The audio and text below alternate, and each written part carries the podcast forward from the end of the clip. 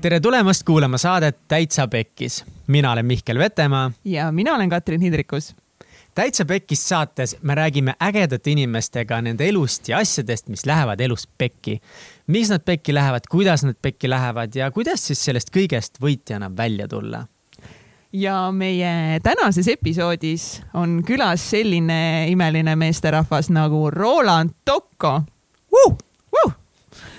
Roland eh, on üks eh, keskmine Eesti noormees, kes ei teadnud päris pikka aega, mida ta elult soovib. aga siis äh, viimased kümme aastat on ta kõvasti tegelenud enesearenguga ja leidnud oma tee siis inspireerimaks teisi inimesi ja luues teiste inimeste ellu rohkem väärtust siis läbi Eduakadeemia. ja Roland on ka kirglik muusik. ta armastab laulja, talle meeldib kitarri väga mängida, mida Jaa. ta on noorest saadik palju mänginud, kuid ja nüüd ta- hiljuti ta arvas, et äh, ta ei oska laulda ja ta ei oska, et ta, et ta ei saa kunagi siis äh, nii-öelda esineda lauldes, jah. ja see lugu oli päris, päris crazy. ja, ja noorena ta mängiski väga palju jalgpalli. väiksena, väiksena noorena ta arvas, et temast saab jalgpallur, aga siis üks hetk see jälle kõik muutus, nagu tihti elus meil juhtub. Ja ta läks ülikooli õppima majandusõigust, milles ta ei olnud ka väga kindel ning pärast seda ta saigi aru, et tuleb hoopiski hakata üritusi korraldama ja sealt edasi sai aru, et tuleb luua selline asi nagu Eduakadeemia ja muuta maailma jah, ja nüüdseks äh, on ta ka autor, ta on kirjutanud sellise raamatu nagu kaksteist asja, mida koolis äh, ei õpetatud, aga mida kõik peaksid teadma.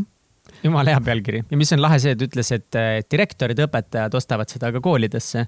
ja üldse ta tegi sellega ka mingisuguse müügirekordi, sest eh, seda raamatut ta suutis müüa kolm tuhat viissada eksemplari esimese nädalaga, mis on Eestis ulmeliselt kõva tulemus. see on väga kõ- kõva tulemus ja ja nüüd äh, sügisel jälle Roland korraldab äh, ühte suurt üritust Eestis, kuhu tuleb Robin Sharma esinema ja minul on, on Roland Tocco väga suureks eeskujuks olnud juba pikki aastaid ja ja täitsa Pekkis Akadeemia ja Edu Akadeemia ja tundub, et akadeemiad siin tead, lähevad kokku ja see oli väga vinge ta saatesse saada ning seda meest me ilmselt tahame veel küsitleda oma elus palju ja palju. ja tõesti mega inspireeriv episood oli ja Roland ütles, et äh, me küsisime tema käest äh, küsimusi, mida teised pole küsinud ja mida teemadel, mida ta ei ole rääkinud, et ta sai iseenda sees mingeid asju uuesti läbi elada ja seda oli nagu kihvt, kihvt kuulata, nii et äh, nagu I loved it, nagu Mihkel ütleb. I love it. aga, aga, aga, sõbrad, oh my god, juba sellel laupäeval, oh my god Oh my ongi God. see, oh see ongi see esmaspäev, kus on sellel laupäeval täitsa pekkis live show üks punkt null. Vaba lava. ja pileti lõpp, lõpp, piletimüük lõpeb kuusteist mai, buum, õhtul.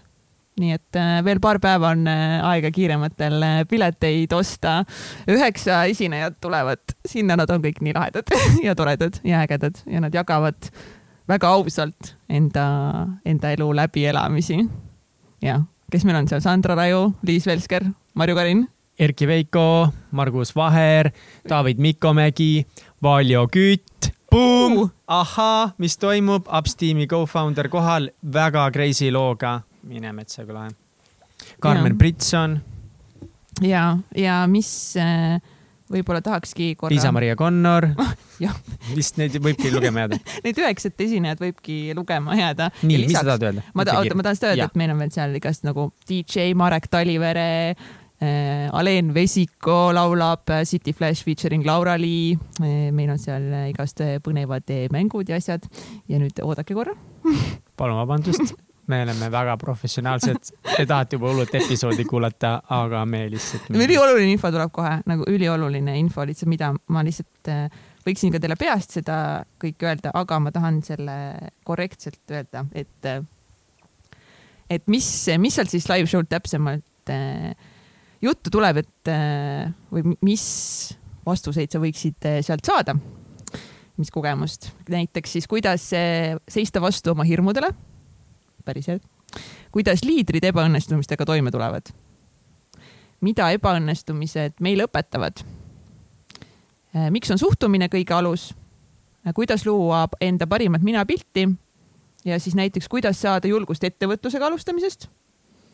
Ja kuidas võita armukadeduse teemonit. Need on vaid siuksed mõned, mõned teemad, millest meil live show'l äh, juttu tuleb ja muidugi, mis on kõige tähtsam, on need inimesed, kes sinna kokku tulevad. nii et kas sa tahad sellest osa saada või sa tahad sellest osa saada seniks aga head kuulamist. head kuulamist täitsa pekkis täitsa pekkis ja ongi pekkis. Margus Vaher, Sandra Raju, Liis Velsker ja paljud teised, ka neil on täiesti pekkis. ja nad räägivad sellest. kas järjekordne motivatsioonikoolitus? ei, selle aasta kõige vingem sündmus Täitsa Pekkis live show. kaheksateist mai, Vaba Lava, info ja piletid täitsapekkis.ee. ruumi vaid kiirematele.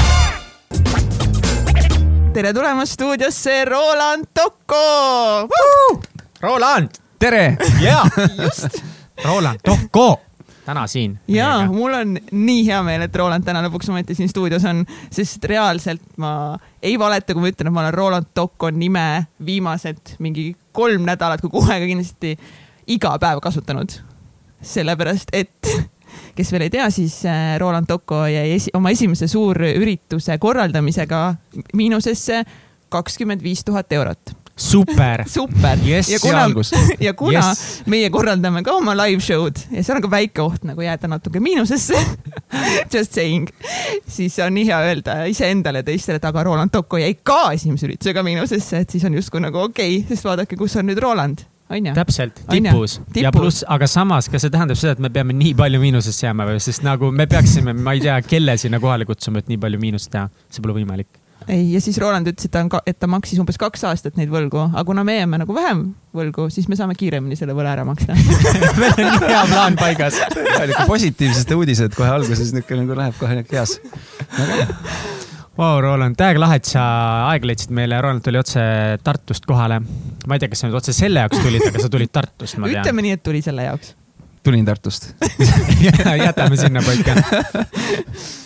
nagu nii palju meil on tõesti sinuga rääkida kogu sellest koolitamistest ja konverentsidest ja see on asi, millega nagu sihuke enesekoolitus või eneseharimine, kuidas iganes nimetada, ma sattusin, sattusin, ma hakkasin sellega tegelema mingi neli-viis aastat rohkem tagasi nagu tõsisemalt, kui ma hakkasin võrkturundusega tegelema, siis seal push iti peale kogu aeg, kuule loe raamatuid ja saa targemaks, muidu jääd vaeseks ja sellest hetkest peale nagu on see minu elus olnud ja sina oled nagu mees, nagu sa ise ütlesid, et õhtusaates öeldi Eesti koolitusmaastiku kahurivägi oli saates Roland Tocco ja Peep Vain. kuidas siis tunne oli tol hetkel? tead, tol hetkel oli, ütleme nii, et äh, see on sellisel kujul mm, pildis olek on minu jaoks natuke midagi uut, selline nagu meediamaastikul ma ei ole väga pilti, pilt, pildis olnud ja, ja mõnes mõttes ka teadlikult.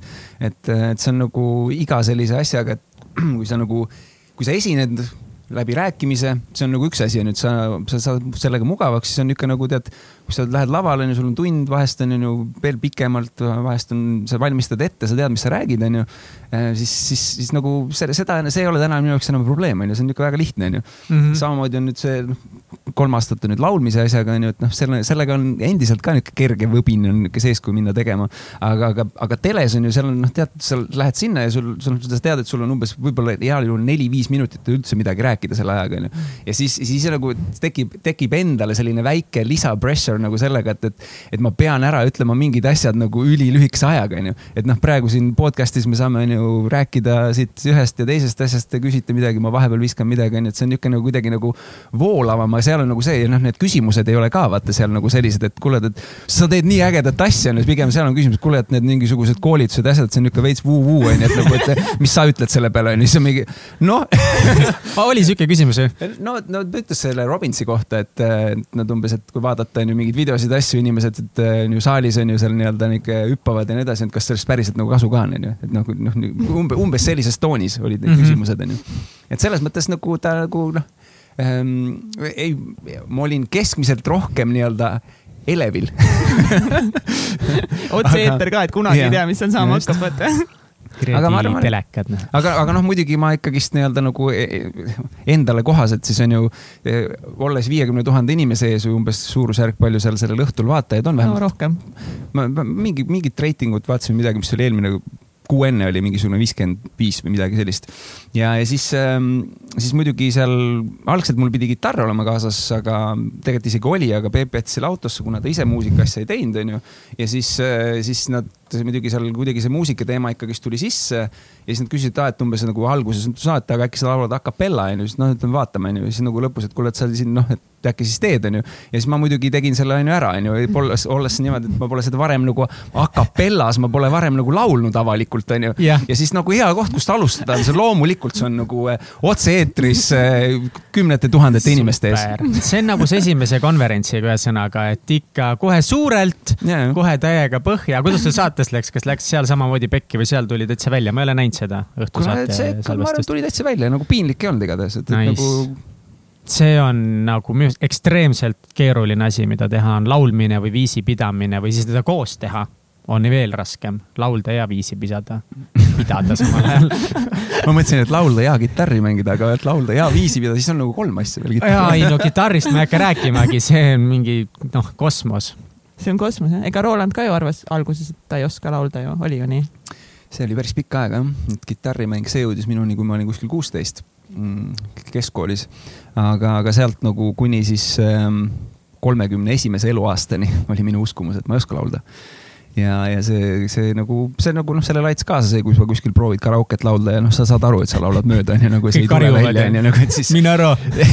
No päris nii hull ei olnud, aga noh, sa saad ise, ise, ise mina sain aru vähemalt, mul nii palju nagu selles mõttes niukest nagu muusik, kuna ma olin nagu noh, bändi natuke teinud ja pilli mänginud onju, et noh, siis mul nagu selles mõttes niukest muusikalist ma nagu kuulen onju, aga noh, ma kuulen ka seda, et ma ise valesti laulan onju kahjuks. Jah, see paraku onju.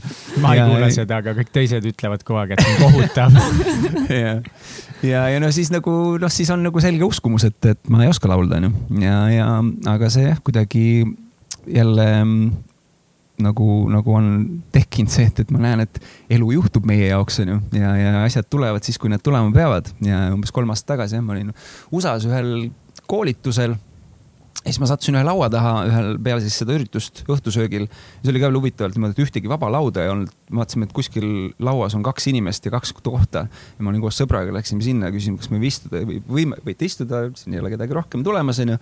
ja siis hakkasin ühe inimesega rääkima, teine naine läks ära ja siis selgus, et see naine, tema lugu oli siis selline, et ta all, all hakkas laulma kuskil kahekümnendate teises pooles täna ta on kuskil kuuekümnendates ja siis vahepeal, mis on toimunud, on see, et ta on pikka aega laulis back'i Stingile. ja teinud koostööd mingi Rolling Stonesi, David Bowie, mingisuguste teiste maailmakuulsate artistidega.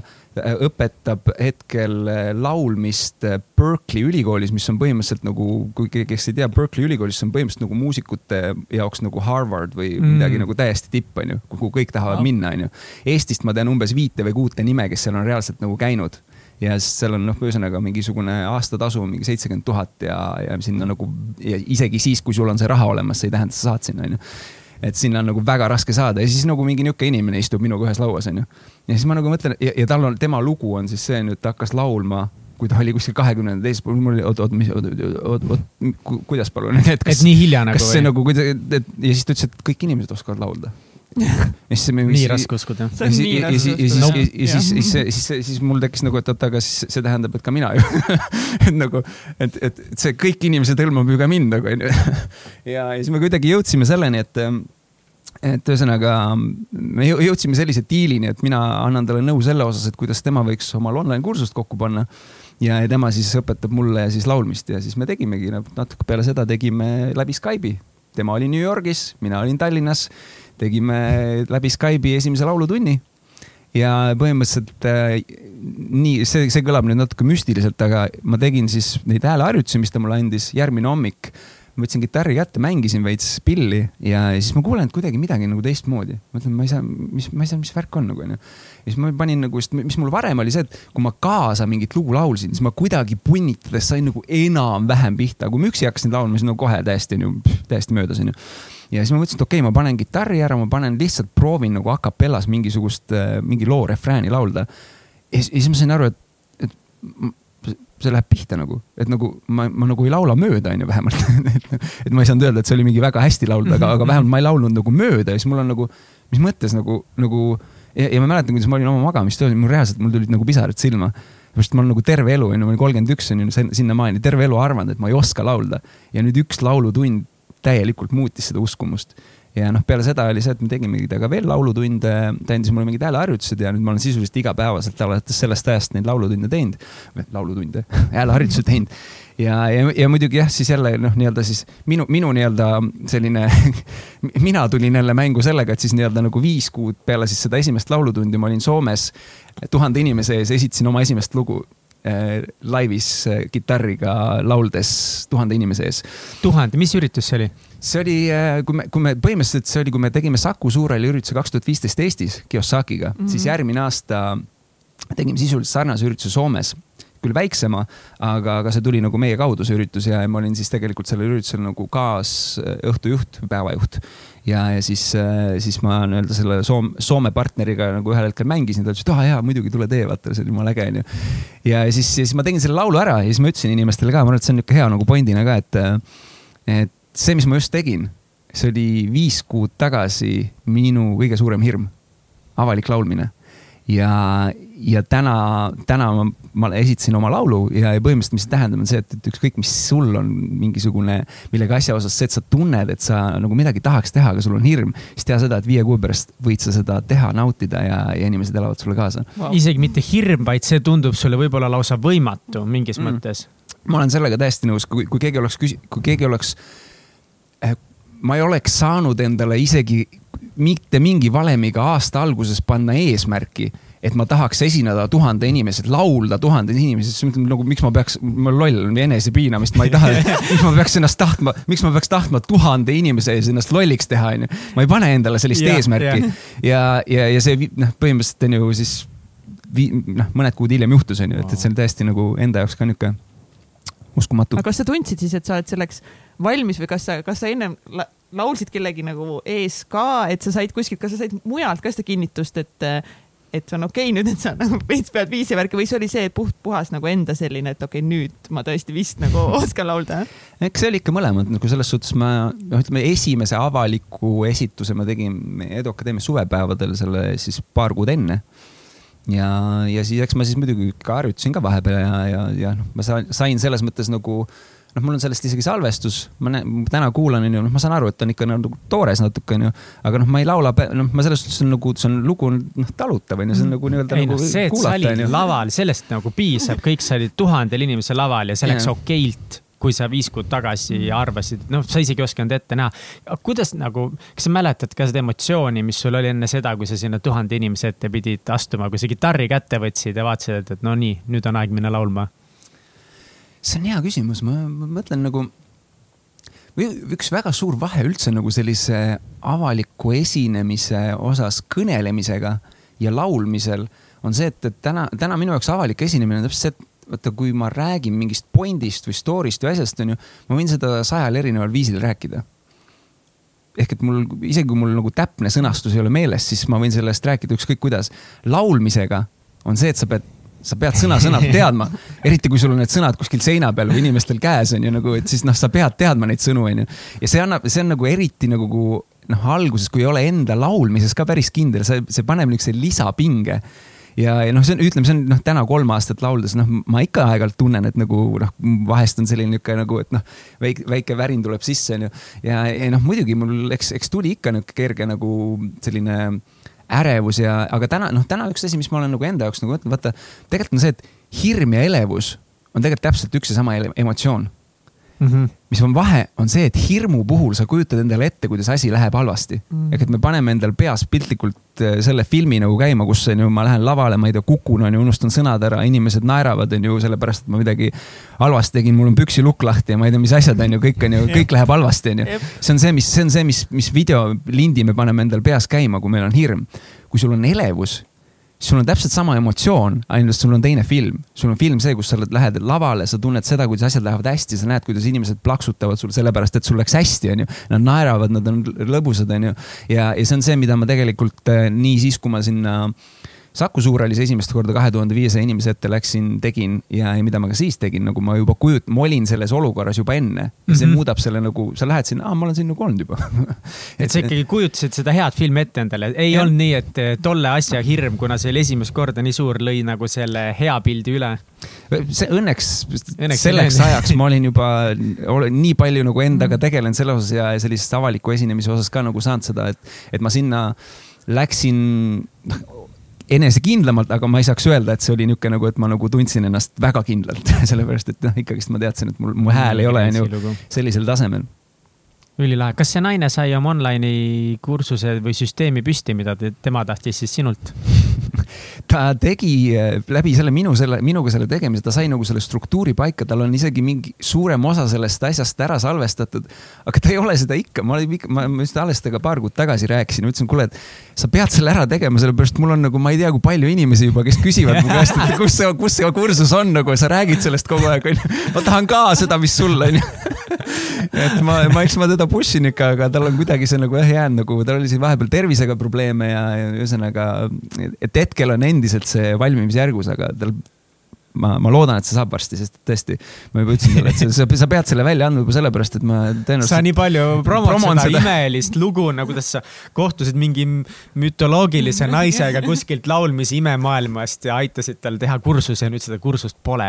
väga kahtlane, Roland. kuule, aga kerime nüüd ajas tagasi või sa tahtsid selle osas veel midagi küsida ma...? Kats vaatab sihukeste silmadega otsa mulle, et tal on küsimus. mul on täna tõenäoliselt palju küsimusi. ma tean, küta, küta. ei, ma tahtsin lihtsalt seda küsida, et et kui seda naisterahvast ei, ei oleks nagu too hetk seal olnud, kellel oleks, kes oleks öelnud sulle, et tema hakkas nagu nii hilja laulma, et kas, kas sa siis oleksid ka mingil hetkel või uskunud, et sinust võib nagu laulja saada? seda on keeruline öelda nagu selles suhtes, ütleme nii, et äh, see uskumus selgelt tekkis sellega nagu, et see nagu, see jutuajamine temaga seal lauas tekitas nagu selle, et see on võimalik. nagu ja, ja, ja noh, teine asi, mis ma sinna juurde mõtlesin, oli see, et nagu nagu mis, what are the chances nii-öelda onju, et, et, et nagu praegu satub tema siia nagu see, noh, see oli niisugune üritus, kuhu tavaliselt sellised inimesed ei satu nagu, no see on mingi turunduse ja selliste asjadega seotud, onju. seal ei käi mingid muusika mingid muusikaõpetajad, noh, seal niisugused inimesed ei satu selline. ja siis lihtsalt nagu ma lihtsalt nagu ma sain aru, kui ma rääkisin temaga, et okei okay,, et millegipärast on mingi universum või nimeta selleks, ma ei tea, mida, milleks iganes, millegipärast on praegu saatnud, nii, Roland, nüüd on sul aeg hakata laulma et noh, see, see tundus täpselt kuidagi sellisena, et nagu mis no,, kuidas see on ja siis tagantjärgi ma mõtlen ka seda, et nagu kuidas nagu veel mind oli ette valmistatud, onju. ma, ma ju hakkasin kitarri mängima kuskil kuueteistaastaselt, onju. ja noh, ma ei käinud küll kunagi muusikakoolis, aga sellepärast, et klassivennad hakkasid mängima poole aasta pärast ma vaatasin, kurat, neil juba tuleb midagi, onju. ja ma tahan ka, onju. ja siis, ja siis tuli välja, onju see, et mul kodus kasuisal oli olemas elektrikitarr mida siis teised sõbrad tulid mängima ja neil oli äge, onju, mul oli äge, onju, ja siis tal oli akust ka ja siis ma hakkasin, siis ma hakkasin harjutama, onju, ma hakkasin ka nagu ja siis me hakkasime bändi tegema, onju. ja, ja, ja tegelikult need aastad enne seda siis noh, mul ei olnud tegelikult üldse mingit muusikalist tausta, kogemust, ma olin väga, mul väga raskelt tuli kitarri see nagu noh, ma ei saanud üldse normaalselt rütme ja asju kätte, onju. aga tänaseks ma olen nii palju mänginud, et minu jaoks on selline kitarri mängimine nagu see tuleb nii nagu, ma ei pea mõtlema sellele mm ja, ja see, mis see andis, on see, et kui ma täna laulan ja kitarri mängin, ma ei pea kitarrimängule mõtlema, ma saan keskenduda laulmisele. ehk et ma olin nagu mm. valmis, et nüüd võin, saan nagu võtta selle nii-öelda nagu lisaasja juurde, onju. ja, ja kuidagi nagu noh, ma ütlen, et see, see seal olles kõik see nagu tundus, et see noh, see lihtsalt nagu noh, ma pean talt küsima, et kas sa oled valmis mulle õpetama nagu, ma lihtsalt tundsin nagu, et noh, et sisemiselt, et nagu noh, mis iganes, ma pean lihtsalt küsima nagu seda kuidagi ja siis ma mõtlesingi, et okei okay,, aga noh, olles jällegist on ju nagu õppinud erinevaid asju, ma tean, et ei tasu küsida, lihtsalt kuulad, et kas sa õpetaks mulle, onju, noh, et mõtlen, minu Pakku esimene mõte on see, kuidas ma talle mm -hmm. kõigepealt ise mingit väärtust pakun. ja sellepärast, noh, siis oli ka, onju, tema esimene jutt oli see, et ta tahtis luua online kursust lauljatele. aga samal ajal ta ütles seda, et ma tegelikult armastan oluliselt rohkem õpetada neid, kes arvavad, et nad ei oska laulda ja noh, siis oli, noh siis tekkis, siis tekkis muidugi veel eriti see that's me nagu, I m here ja, ja siis nagu ja, ja siis nagu nii-öelda, nii-öelda lisades väärtust onju, ma ütlesin, kuule, aga mina arvan, et sa peaks selle kursuse tegema nendele, kes arvavad, et nad ei oska laulda mm. -hmm. sest neid on palju rohkem nagu noh, kui versus neid, kes nagu laulavad juba onju ja see on nagu, see on ka tegelikult selline nagu sihtrühm, kellel ei ole täna midagi onju et nagu noh, nendele, kes oskavad laulda, nendel on igasuguseid variante onju, aga need, kes nagu noh, arvavadki, ei oska laulda. Ja siis, siis, ja siis nagu sealt ühel hetkel onju, ma pakkusingi, kuule, aga mis sa siis, mis sa sellest arvad, et kui ma aitan sul seda online kursust kokku panna ja sina õpetad mind, onju. ehk et nagu noh, ma, ma mõtlesin peas välja selle, okei okay,, ma pean ta endale selle lauluõpetajaks saama ja siis mul tekkis automaatselt kohe see, okei okay,, mis on see plaan nii-öelda, millega ma talle lähenen, onju. ja, ja, ja sealt nagu see tekkis, aga kui su, su küsimus oli see, et kas ma nagu näeks, et ma laulaks.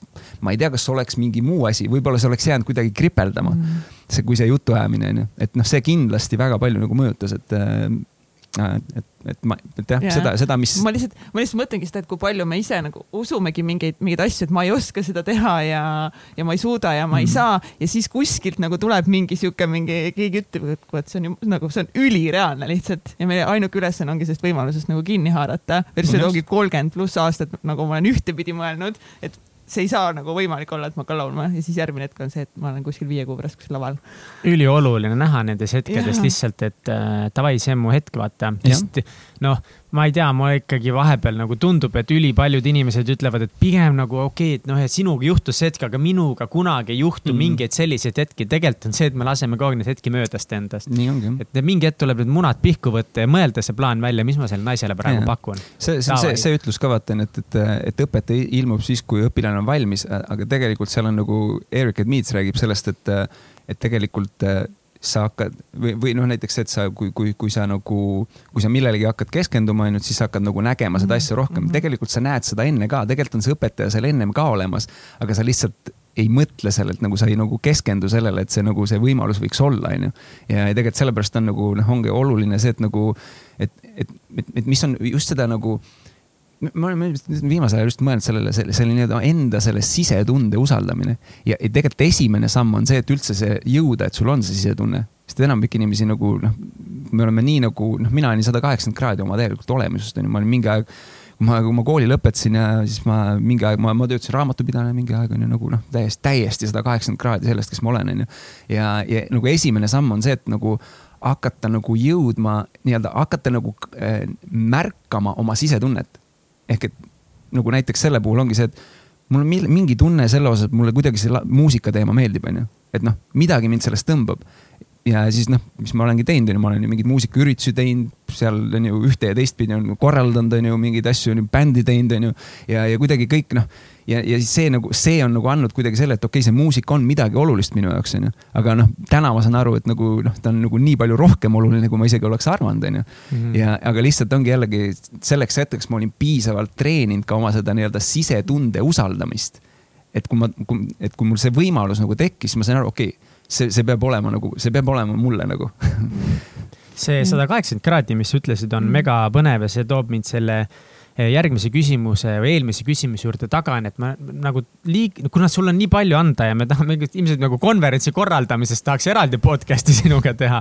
aga ikka, kes siis oli Roland Tocco sada kaheksakümmend kraadi tagasi, mis sa noorena tegid ja, ja natukese sellest? no kus kool, sa õppisid üldse? kooli ajal, ma olen, ma nagu selles suhtes ähm, ma arvan no., et see iseloomustab võib-olla kõige paremini, ma olen nagu jaganud seda, et, et noh, täna ma saan aru, et minu kaks väga tugev, suurt tugevust on, on inimestega kontakti loomine ja, ja koostöö tegemine.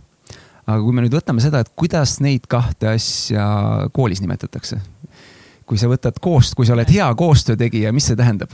spikerdad või jutustad lihtsalt tunni all. spikerdaja, sa teed, on ju nagu põhimõtteliselt mahategemine, on ju. ja kui sa oled hea kontaktilooja mis, mis, kuidas seda kooli, mis, kuidas sellest. ma ei tea, tunni ajal rääkimine lihtsalt. no kui sa, kui sa lood hästi kontakte teiste inimene, nii-öelda oled nagu hästi, oled niisugune hea kontaktilooja inimestega, siis kuidas, mis õpetajad sellest arvavad? ma ei tea, käitumine mitte rahuldav. no põhimõtteliselt see vahel segamine. aga, aga minu puhul oli see nagu, et kuna ma olin niisugune, ma olen niisugune loomu poolest niisugune hästi sõbralik ja hea, onju, ma tahan head teistele, siis ma sain kiiresti aru, et need on halvad asjad. koolis? ei, üleüldse mm mismoodi? No kui selles mõttes koostöö tegemine ja, ja siis nii-öelda siis eh, kontakti loomine, need on halvad nagu. aga kas see, kas see nagu surve või see mõte tuligi sinuni läbi selle, kui näiteks koolis õpetaja konkreetselt ütles kuidagi või suunas või nagu kogu see koolikeskkond pani sind sellesse kasti või mis sind pani sellesse ma, kasti ma, või sinu vanemad või pere? ma ei saa öelda, et see on nagu sada protsenti on ju koolis, aga sama, ma tegelikult üks asi, mis mind, mind piltlikult elus hoidis, ma tegin, mängisin jalgpalli ja, ja ma, minu jaoks oli nagu täiesti kaks eri maailma üks asi, kui ma olin koolis, on ju, noh, ma olin üks inimene, kes ma olen nagu koolis, on ju, niisugune nagu noh, tõesti, ma ei, ma ei julgenud ennast absoluutselt väljendada, on ju, täna ma olen ju tuhandete inimeste ees, on ju, ma naudin seda. siis oli see, et ma nagu noh, rohkem kui kolme inimese ees ma suud lahti ei julgenud teha, on ju. ja aga, aga oligi, ma, ma tundsin seda, kui ma olin näiteks jalgpalliplatsil, on ju, siis kuidagi noh ma olin nagu elus seal onju, meil oli seal mingi, seal, seal oli koostöö onju, seal oli nagu mingid asjad onju.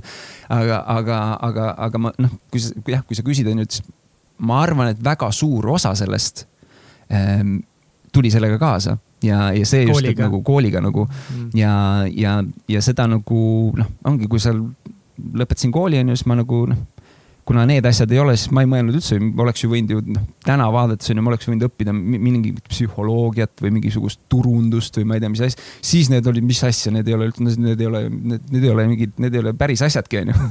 aga milline su lapsepõlv oli? kuidas sa oma vanematega läbi said mm,? Mul on, no mul on see, et mul on ähm, ema-isa läksid lahku, ma olin kuueaastane mm. -hmm. ja, ja mul ei ole nagu, ütleme siis ei isa ega kasuisaga olnud nagu lapsepõlves sellist nagu väga tugevat nagu sidet ja kontakti mm. -hmm. ehk et tegelikult eh, ma arvan, et seal on ka üks asi, mis kindlasti määrab selles, et, eh, et noh, täna tagantjärgi ma olen väga tänulik neile. ma olen, ma ja ma olen tänulik selle eest, et, eh, et kuigi ma noorena ei saanud nagu sellist tunnustust, on ju, ja nagu sellist, et noh, tubli poiss, sa oled hästi teinud, on ju, niisuguseid asju, on ju. siis tegelikult, mis see mind tegema pani või tahtma pani, oli see, et ma, ma tahtsin ennast tõestada mm.. ja, ja see oli nagu mingi ajani oli see nagu väga tugevalt selline nagu, nagu driver mõnes mõttes on ju, et, et noh, minu sise, no ma pean on ju nii-öelda näitama, et ma suudan on ju ja nii edasi, on ju. ja nagu otsima seda nii-öelda justkui nagu nii-öelda siis isa või kasuisa või kellegi sellist nagu välist nagu tunnustust on ju, noh, mida, mida väga ei tulnud, on ju hoolimata sellest, on ju, mis ma tegin, on ju. siis siis, eh, siis mis tänaseks nagu, nagu ma ütlen, ma olen, ma olen tänulik nii mitmes mõttes on ju, et, et see asi tekkis. ma olen tänulik kasuisale sellepärast, et tänu temale ma hakkasin tegelikult kitarri mängima. kuna tal oli kitarr mm -hmm. olemas, on ju, ja ma olen talle seda öelnud ja, ja mul oli, see oli nagu esimene väga huvitav nagu moment ka, kui ma tema sünnipäeval selle, sellest rääkisin, mängides nii-öelda siis tema, tema sünnipäeval ise mõned lood, onju. ja, ja, ja seda, jagasin seda, et seda tänulikkust ka, onju, ja siis see oli enam-vähem vist esimene kord, kui ta tuli ise mind kallistas, kui ma ära hakkasin minema, onju. et nagu noh, mingid niisugused asjad onju, et noh, tänaseks ongi, et see, ma olen nagu selle kõik enda nii-öelda seesmiselt selle nagu noh, ongi, ma olen tänu, tänutundesse nii-öelda selle, selle kõik selle nagu võtnud, onju.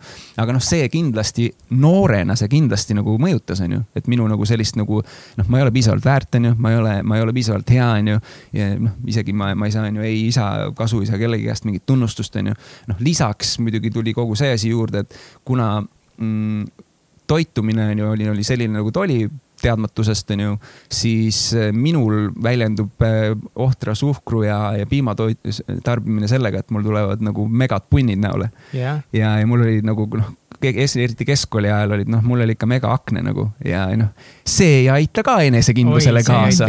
ma muidu täiega feel in, mis sa räägid nagu, kuna ma, ma olen ka sihuke noh, mõnes mõttes ka elav ja koostööaldis, ehk siis lobisen tunni ajal ja spikerdan.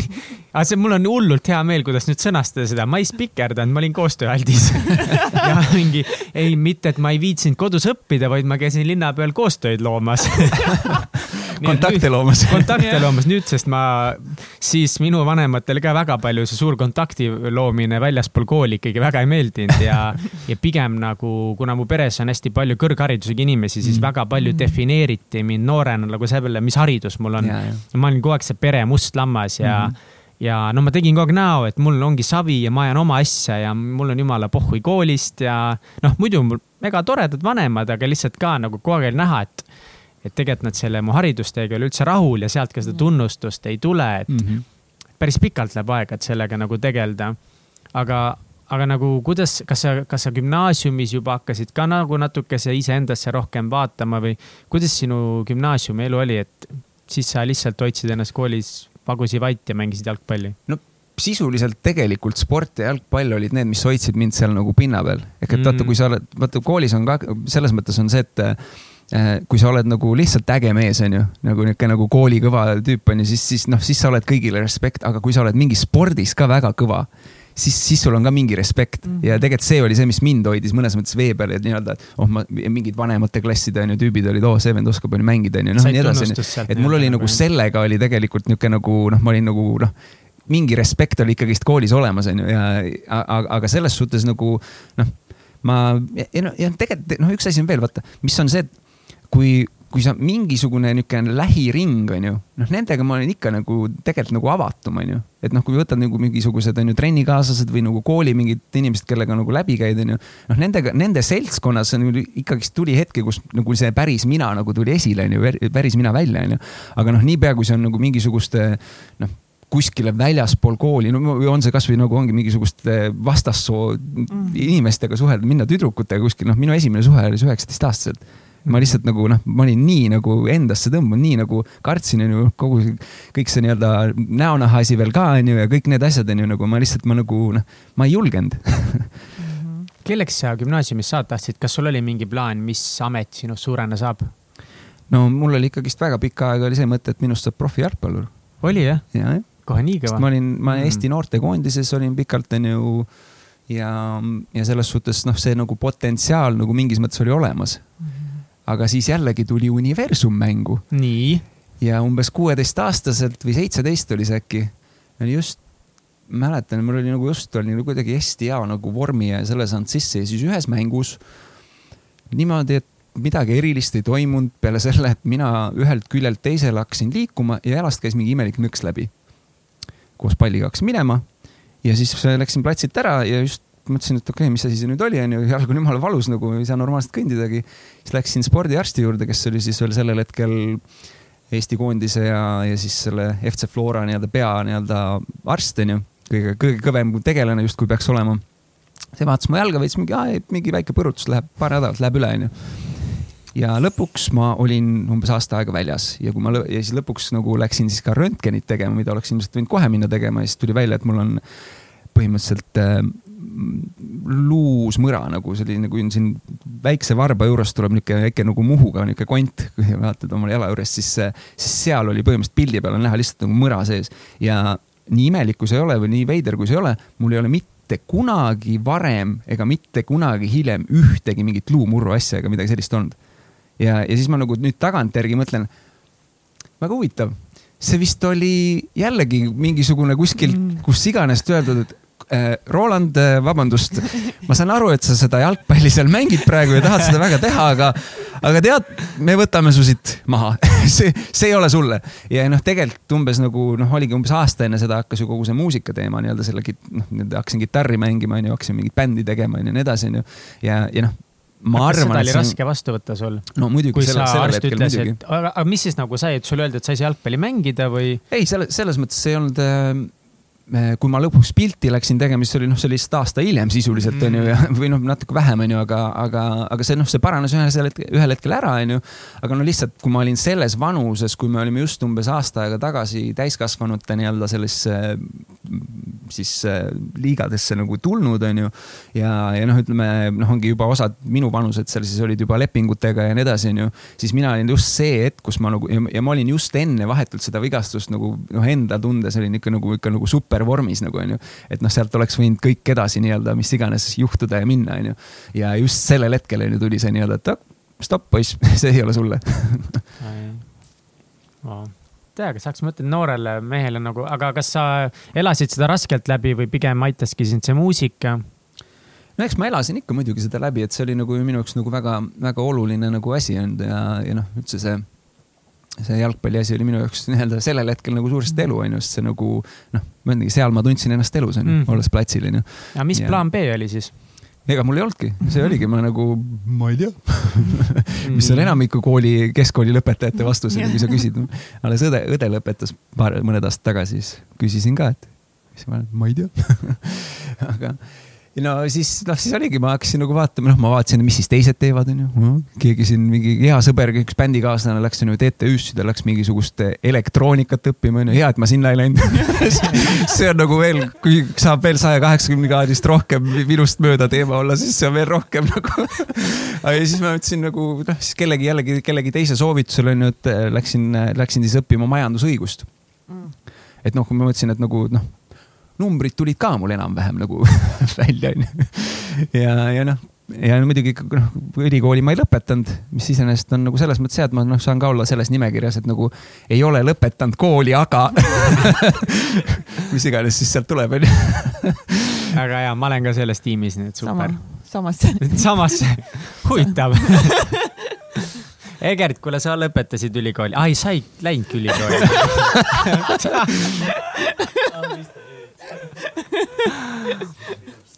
oota, aga mis sa arvasid siis ülikooli ajal, et, et mis nagu saab?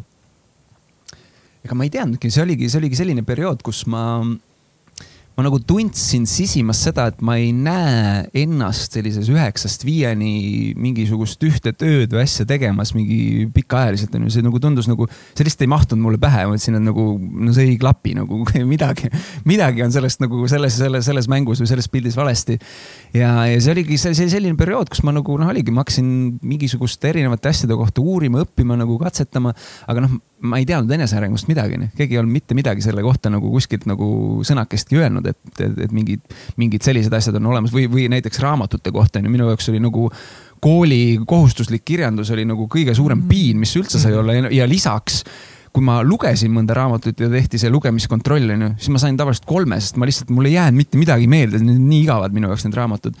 Ja kui, kui ma ei lugenud raamatut ja keegi tegi mulle sellest kokkuvõtte, siis ma sain tavaliselt nelja. Siis, siis mul oli nagu, miks, miks ma, miks ma pean panema kogu selle aja tegema midagi, mis mulle absoluutselt ei meeldi ja saama halvema tulemuse, kus see loogika on nagu? Kui selle koostööga. ja, ja, ja siis, ja siis nagu siis mõtlesin veel, kuidas, ma ei saanud aru, et kuidas nagu mingid klassikaaslased osadel lähevad vabatahtlikult, võtavad raamatukogust raamatuid nagu, nagu endale piinamist juurde, onju. et, et see ei mahtunud mulle pähe, aga, aga siis oli kaks tuhat seitse oli see, kui ma, kui ma tegelikult äh,, ma isegi täpselt ei mäleta, kuidas, aga, aga esimene raamat oli tegelikult Rikas isa, vaene isa Robert Kiyosakilt. ja, ja see oli see, kus, kus ma nagu, ma lugesin raamatut ja mõtlesin, oota oota, aga, aga proovi meenutada ikka, no mind tä- täiega huvitab just see, et et sa olid seal, õppisid, kuidas sa ütlesid, majandusõigust mm. -hmm onju, ilmselgelt me saame aru, et, et sa väga suur selle õppimise fänn vist ei olnud, et kindlasti numbritega sa olid nagu hea.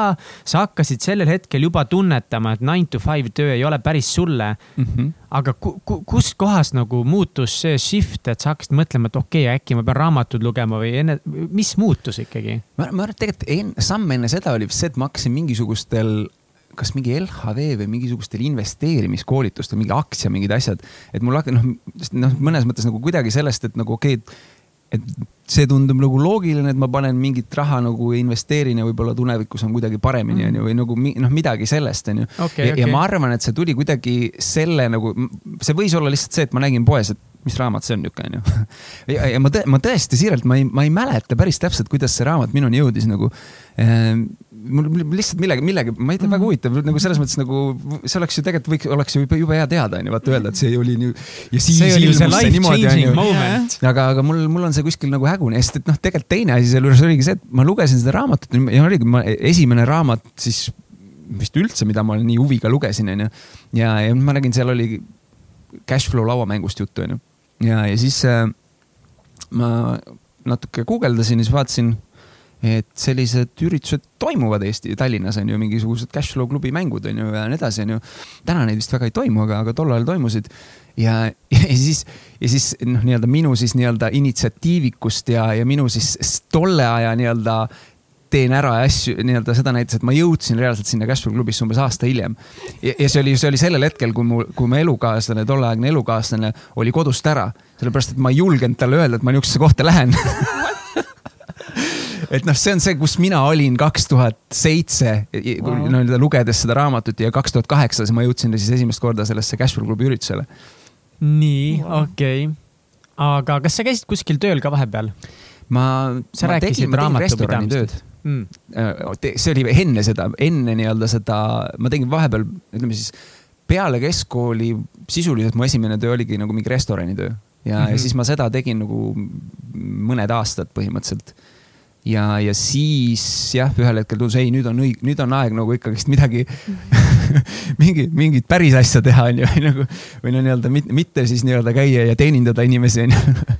ja siis ma jah, kuidagi noh, tegelikult oli ka nagu jällegi näitab minu nagu sellist nagu see tolle aja ettevõtlikkust ja ma läksin siis nagu siis jällegi tutvusringist kellegi nagu noh ütleme siis tegelikult sugu, suguvõsa ringist nii-öelda kellegi ettevõttesse tegema raamatupidamise asju, onju et noh, seal on niisugune ka nagu, et noh, sellel, sellel oligi, et minu nagu selline noh, julgus minna ja noh, ma ütlesin, et nagu kooli ajal selle, et nii-öelda on see siis mingi naistega suhtlema, samamoodi see, see julgus oli sama olematu, minnes kuskile siis tööle nagu kandideerima või nagu ennast nii-öelda müüma, onju Vau, jõhker vahe ikka, eriti see, kuidas sa praegu täna juba siin suhtled, nagu see on nii lahe, kuna nagu nii palju asju tahan veel küsida, siis võib-olla kiirelt, et siis, aga kuidas sa siis nüüd jõudsid sellest eh, nii-öelda esimesest cash flow üritusest kuni oma esimese konverentsi korraldamiseni või esimese ettevõtlusmõtteni? teeme nii, mis sa No, arvad? jah. teeme nii. mm. -hmm. no ettevõtlusmõtted tegelikult tulidki sellest sellesama Kiyosaki mingisuguste õppetundide asjadega, sest seal oli, mis sellel Cashflow klubis toimus, oli see, et seal põhimõtteliselt eh, nad olid sellel hetkel teinud ühe niisuguse nagu kümnesammulise programmi, kus nad siis oli niimoodi, et iga nädal, või see kord nädalas toimus ja siis põhimõtteliselt näidati siis nagu mingit videot, onju, mingi selle teema kohast, onju. ja, ja siis oli mingid arutelud, asjad, onju. ja, ja põhimõtteliselt eh, noh, seal nagu hakkas nagu tekkima, et okei okay,, et nagu äkki ma võiks ka midagi proovida, onju, või midagi teha, onju. ja, ja noh, tegelikult siis see nagu noh, minu jaoks on ju muusika oli nagu südamelähedane, siis tegelikult kaks tuhat üheksa oli siis, kaks tuhat üheksa oli see, kui see esimest korda siis selles muusikavaldkonnas sai midagi ette võetud ja tehtud üks esimene sündmus. nii et sealt läks nagu siis noh, ütleme siis veel oma mingi ikka üle aasta, kui midagi nagu, aga noh, seda ei saa nagu selles mõttes nüüd mingiks päris ettevõtluseks nimetada, et ta oli niisugune nagu noh, ettevõtluskatsetused ei no aga super, mis ürituse te te tegite? me tegime, me tulime sellise, sellise nime alt nagu Bandcamp, tegime sündmusi ja, ja esimene asi oli see, et me tegime muusikute laagri. Kus siis äh, tulid muusikud kokku, me loosisime nad bändideks, tekkisid täitsa uued mm -hmm. koosseisud. ja, ja põhimõtteliselt siis neil oli nelikümmend kaheksa tundi aega, et teha üks täiesti uus lugu ja kaks cover lugu. ja siis põhimõtteliselt viimasel päeval oli kontsert et see oli niisugune esimene sündmus, kus me, kus, kus, kus see alguse sai. kas see on selle Ja- American Pie filmi järgi Bandcamp? ei olnud üldse selle järgi, et ma tean, see, see, see film võib-olla, kas ta oli, võib-olla oli enne seda, aga, aga igatahes see tuli nagu, lihtsalt see tuli sellest, et äh, me käisime hästi palju oma elukaaslase ja mingite inimestega erinevatel muusikafestivalidel. ja, ja mis seal juhtus, kuna ma ise mängisin pilli ja nii edasi, me nagu ööbisime telklaagris ja siis oli tihtilugu, mis juhtus, oli see, et telklaagris oli terve hulk muusikuid ja siis nagu keegi võtab mingi pilli välja, keegi hakkab laulma, onju, siis tuleb mingid järjest juurde ja mis me lõpuks avastasime, et kuule, nagu me sinna festivali alale nagu ei jõudnudki väga. et miks, miks me nagu siis nagu ostame pileti festivalile, et tulla nagu tegema seda bändilaagrit nii-öelda onju. ja noh, siis sealt tekkiski nagu see nii-öelda bändilaagri ja bandcamp nagu nii-öelda mõte nagu. ja siis ma mingite muusikute, muusikutega rääkisin ja siis nagu, siis me tegime ära selle nagu kaks tuhat üheksa, siis oligi kümme aastat tagasi täpselt praegusest. Vau. kümme aastat, ei üheksa aastat tagasi juba, kümme, kümme. kaks tuhat üheksateist.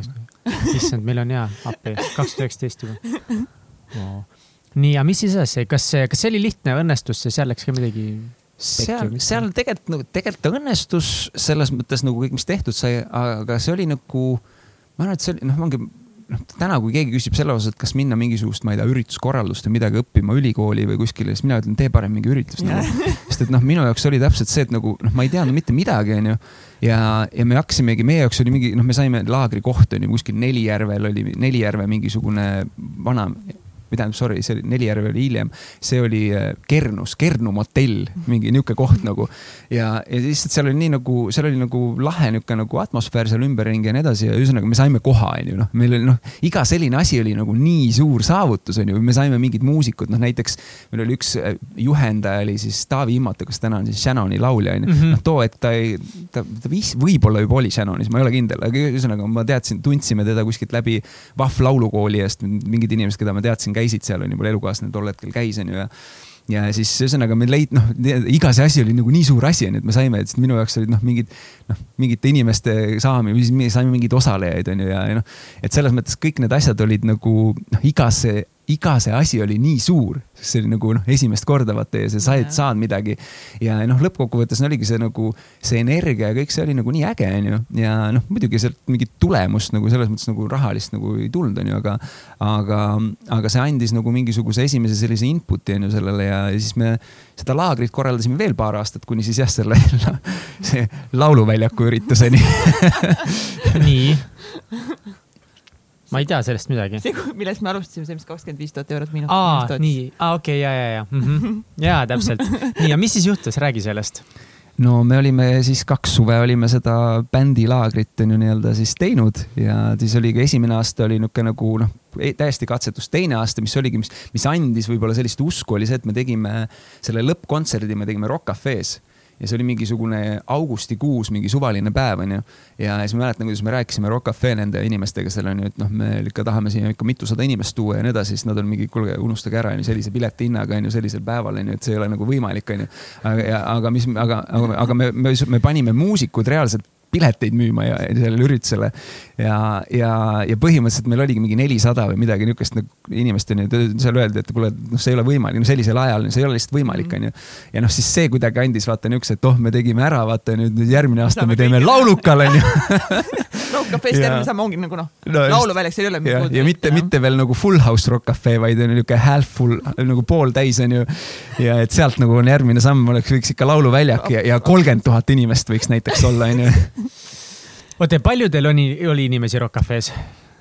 mingi nelisada midagi. nelisada ja sealt on nagu davai, läheme kolmkümmend tuhat. just selline tagasihoidlik plaan oli ja siis me osad inimesed, kellegagi rääkisin ka, siis öeldi, et kuulge, kui kümme tuhat, see on juba nagu väga-väga-väga kõva Eestis on ju, siis mingi ei, me suudame kuidas te planeerisite seda või ongi, kui suur see meeskond oli? Kas need inimesed, kes tiimis olid, kõik ühtemoodi nagu seda visiooni uskusid, et see on tehtav ja teeme ära? seda, seda on raske öelda, kui paljud seda reaalselt uskusid, aga ma arvan, et pigem nagu osa tahtsid, mis, mis iganes, onju. aga, aga noh, tegelikult oli see, et see oli tükk aega oli nagu noh, meil ei olnud see nagu noh, ütleme, me viskasime selle mõtte õhku, aga siis ta nagu kuskil jäi, sest noh, esimene oli see, et nagu okei okay,, kuidas me selle laulu väljaku üldse saame, onju. ja siis, aga siis nagu tuli välja, et meil kellegi, kellegi on, keegi on lauluväljaku seal kunagi mingit, kas töötanud või käinud mingi praktikal või midagi ja siis ta tundis seda Riho Rõõmust hästi, onju. Mm. ja siis tema viis kokku ja siis, ja muidugi noh, huvitav on selles mõttes, et, et selleks ajaks oli kuidagi tekkinud selline nagu noh, ongi see, see nagu optimism või selline nagu see, et me nagu suudame ja, ja nagu ka, ja tegelikult ka veel huvitav, vaata ma ütlesin enne seda, et ma ma ei suutnud ennast nagu üldse väga väljendada, onju, mingi noh, inimeste ees või no kuidagi. ma mäletan isegi, ma, ma, ma ei julgenud kokkusaamistele minna nagu noh, inimestega, onju. aga, aga mis oli see, et ma tegin seda koos teise inimesega, kes oli niisugune nagu, ta oli nagu rohkem avatum, onju, ja nii edasi, onju. ja siis me saime hästi-hästi paljude inimestega kokku. Ja, ja mis, mis toimuma hakkas, oli see, et no mis, mis alguses toimus, oli see, et tema tõmbas alati nagu alguses selle asja nagu üles, onju. ja mina olin nagu siis, kui oli midagi nagu nii-öelda olulist vaja öelda või niisugune nagu noh konkreetsemat onju või selgemat onju, siis, siis, siis nagu mina rääkisin onju. aga, aga ühel hetkel, mis hakkas toimuma, see, et ma nagu kuidagi võtsin selle nagu üledalt nagu onju, et ma suutsin seda ise ka teha. ja, ja noh, siis ühe, siis lõpuks oligi nagu kuidagi noh, näiteks see lauluväljaku, see ma mäletan, sinna me vist isegi läksime koos ikkagist, aga noh, me läksime onju, siis oligi selle Riho Rõõmusega onju rääkima onju. ja noh, me suutsime teda ikka nagu ära veenda, et me suudame nagu kokku panna siia ikka nagu toimiva asja onju, sest, tegelikult, mis andis veel kindlust, oli see, et meiega võeti ühendust Äh, üks tüüp võttis ühendust, mingi Nordea pank oli siis onju. et, et neil on mingi firma bänd ja neid firma bände on veel ja te võiks midagi orgunnida ja siis tekkis nagu see hiilgav idee, et nii me saamegi selle ära teha. Me võtame sinna üritusele, festivalile ka firma bändid kes selle pulli osaliselt kinni maksavad ja siis me orgunnisime mingi ülikiiresti niisuguse firma bändide ürituse eelvoorud mäletan, võtsimegi ühendust vist mingi umbes aprilli alguses ja meil oli maikuus viis eelvooru Rock Cafe's kokku kahekümne viie firma bändiga. Ossa raisk, kui kiirelt ja kui palju? Ja, ja siis põhimõtteliselt oli see, et nagu, kes siis võidavad, et nendel oli nagu, no ühesõnaga keegi sai vist, noh, võitja vist saigi sinna laulukale esinema, aga teistele me andsime nagu võimaluse osta koht sinna. Ja ma siis ma mäletan veel, kuidas me tegime, noh, nii-öelda alati tasub vaata vaadata, et kui asjad lähevad ka halvasti, tasub vaadata neid nagu nii-öelda, mis on nagu hästi läinud, onju. siis ma mäletan, me tegime ühe nagu, me saime kokku tolleaegse siis Microsofti äh, Eesti äh, juhiga ja siis nende tiimist veel inimesed onju, me müüsime neile seda ideed onju, et see üritus onju ja te peaks sinna endale bändiga, sest neil oli, neil oli firma bänd onju. ja siis see noh, õnneks oli see firma, see nii-öelda Microsoft Eesti juht oli siis ka selles bändis. et ja, ja siis me nagu müüsime neile seda ideed, et nad peaks sinna tulema onju ja, ja siis nagu siis lõpuks on ju kõik, kõige jutu peale okei okay,, mis see maksab onju. ja põhimõtteliselt me saime nagu Microsoft ja Skype tulid koos ja me tegime niukse nagu noh, päris meie jaoks ikkagist nagu väga arvestatava nagu müügi onju, nelja, neljakohaline number ümber eurodes on ju ja mitte ühega algav.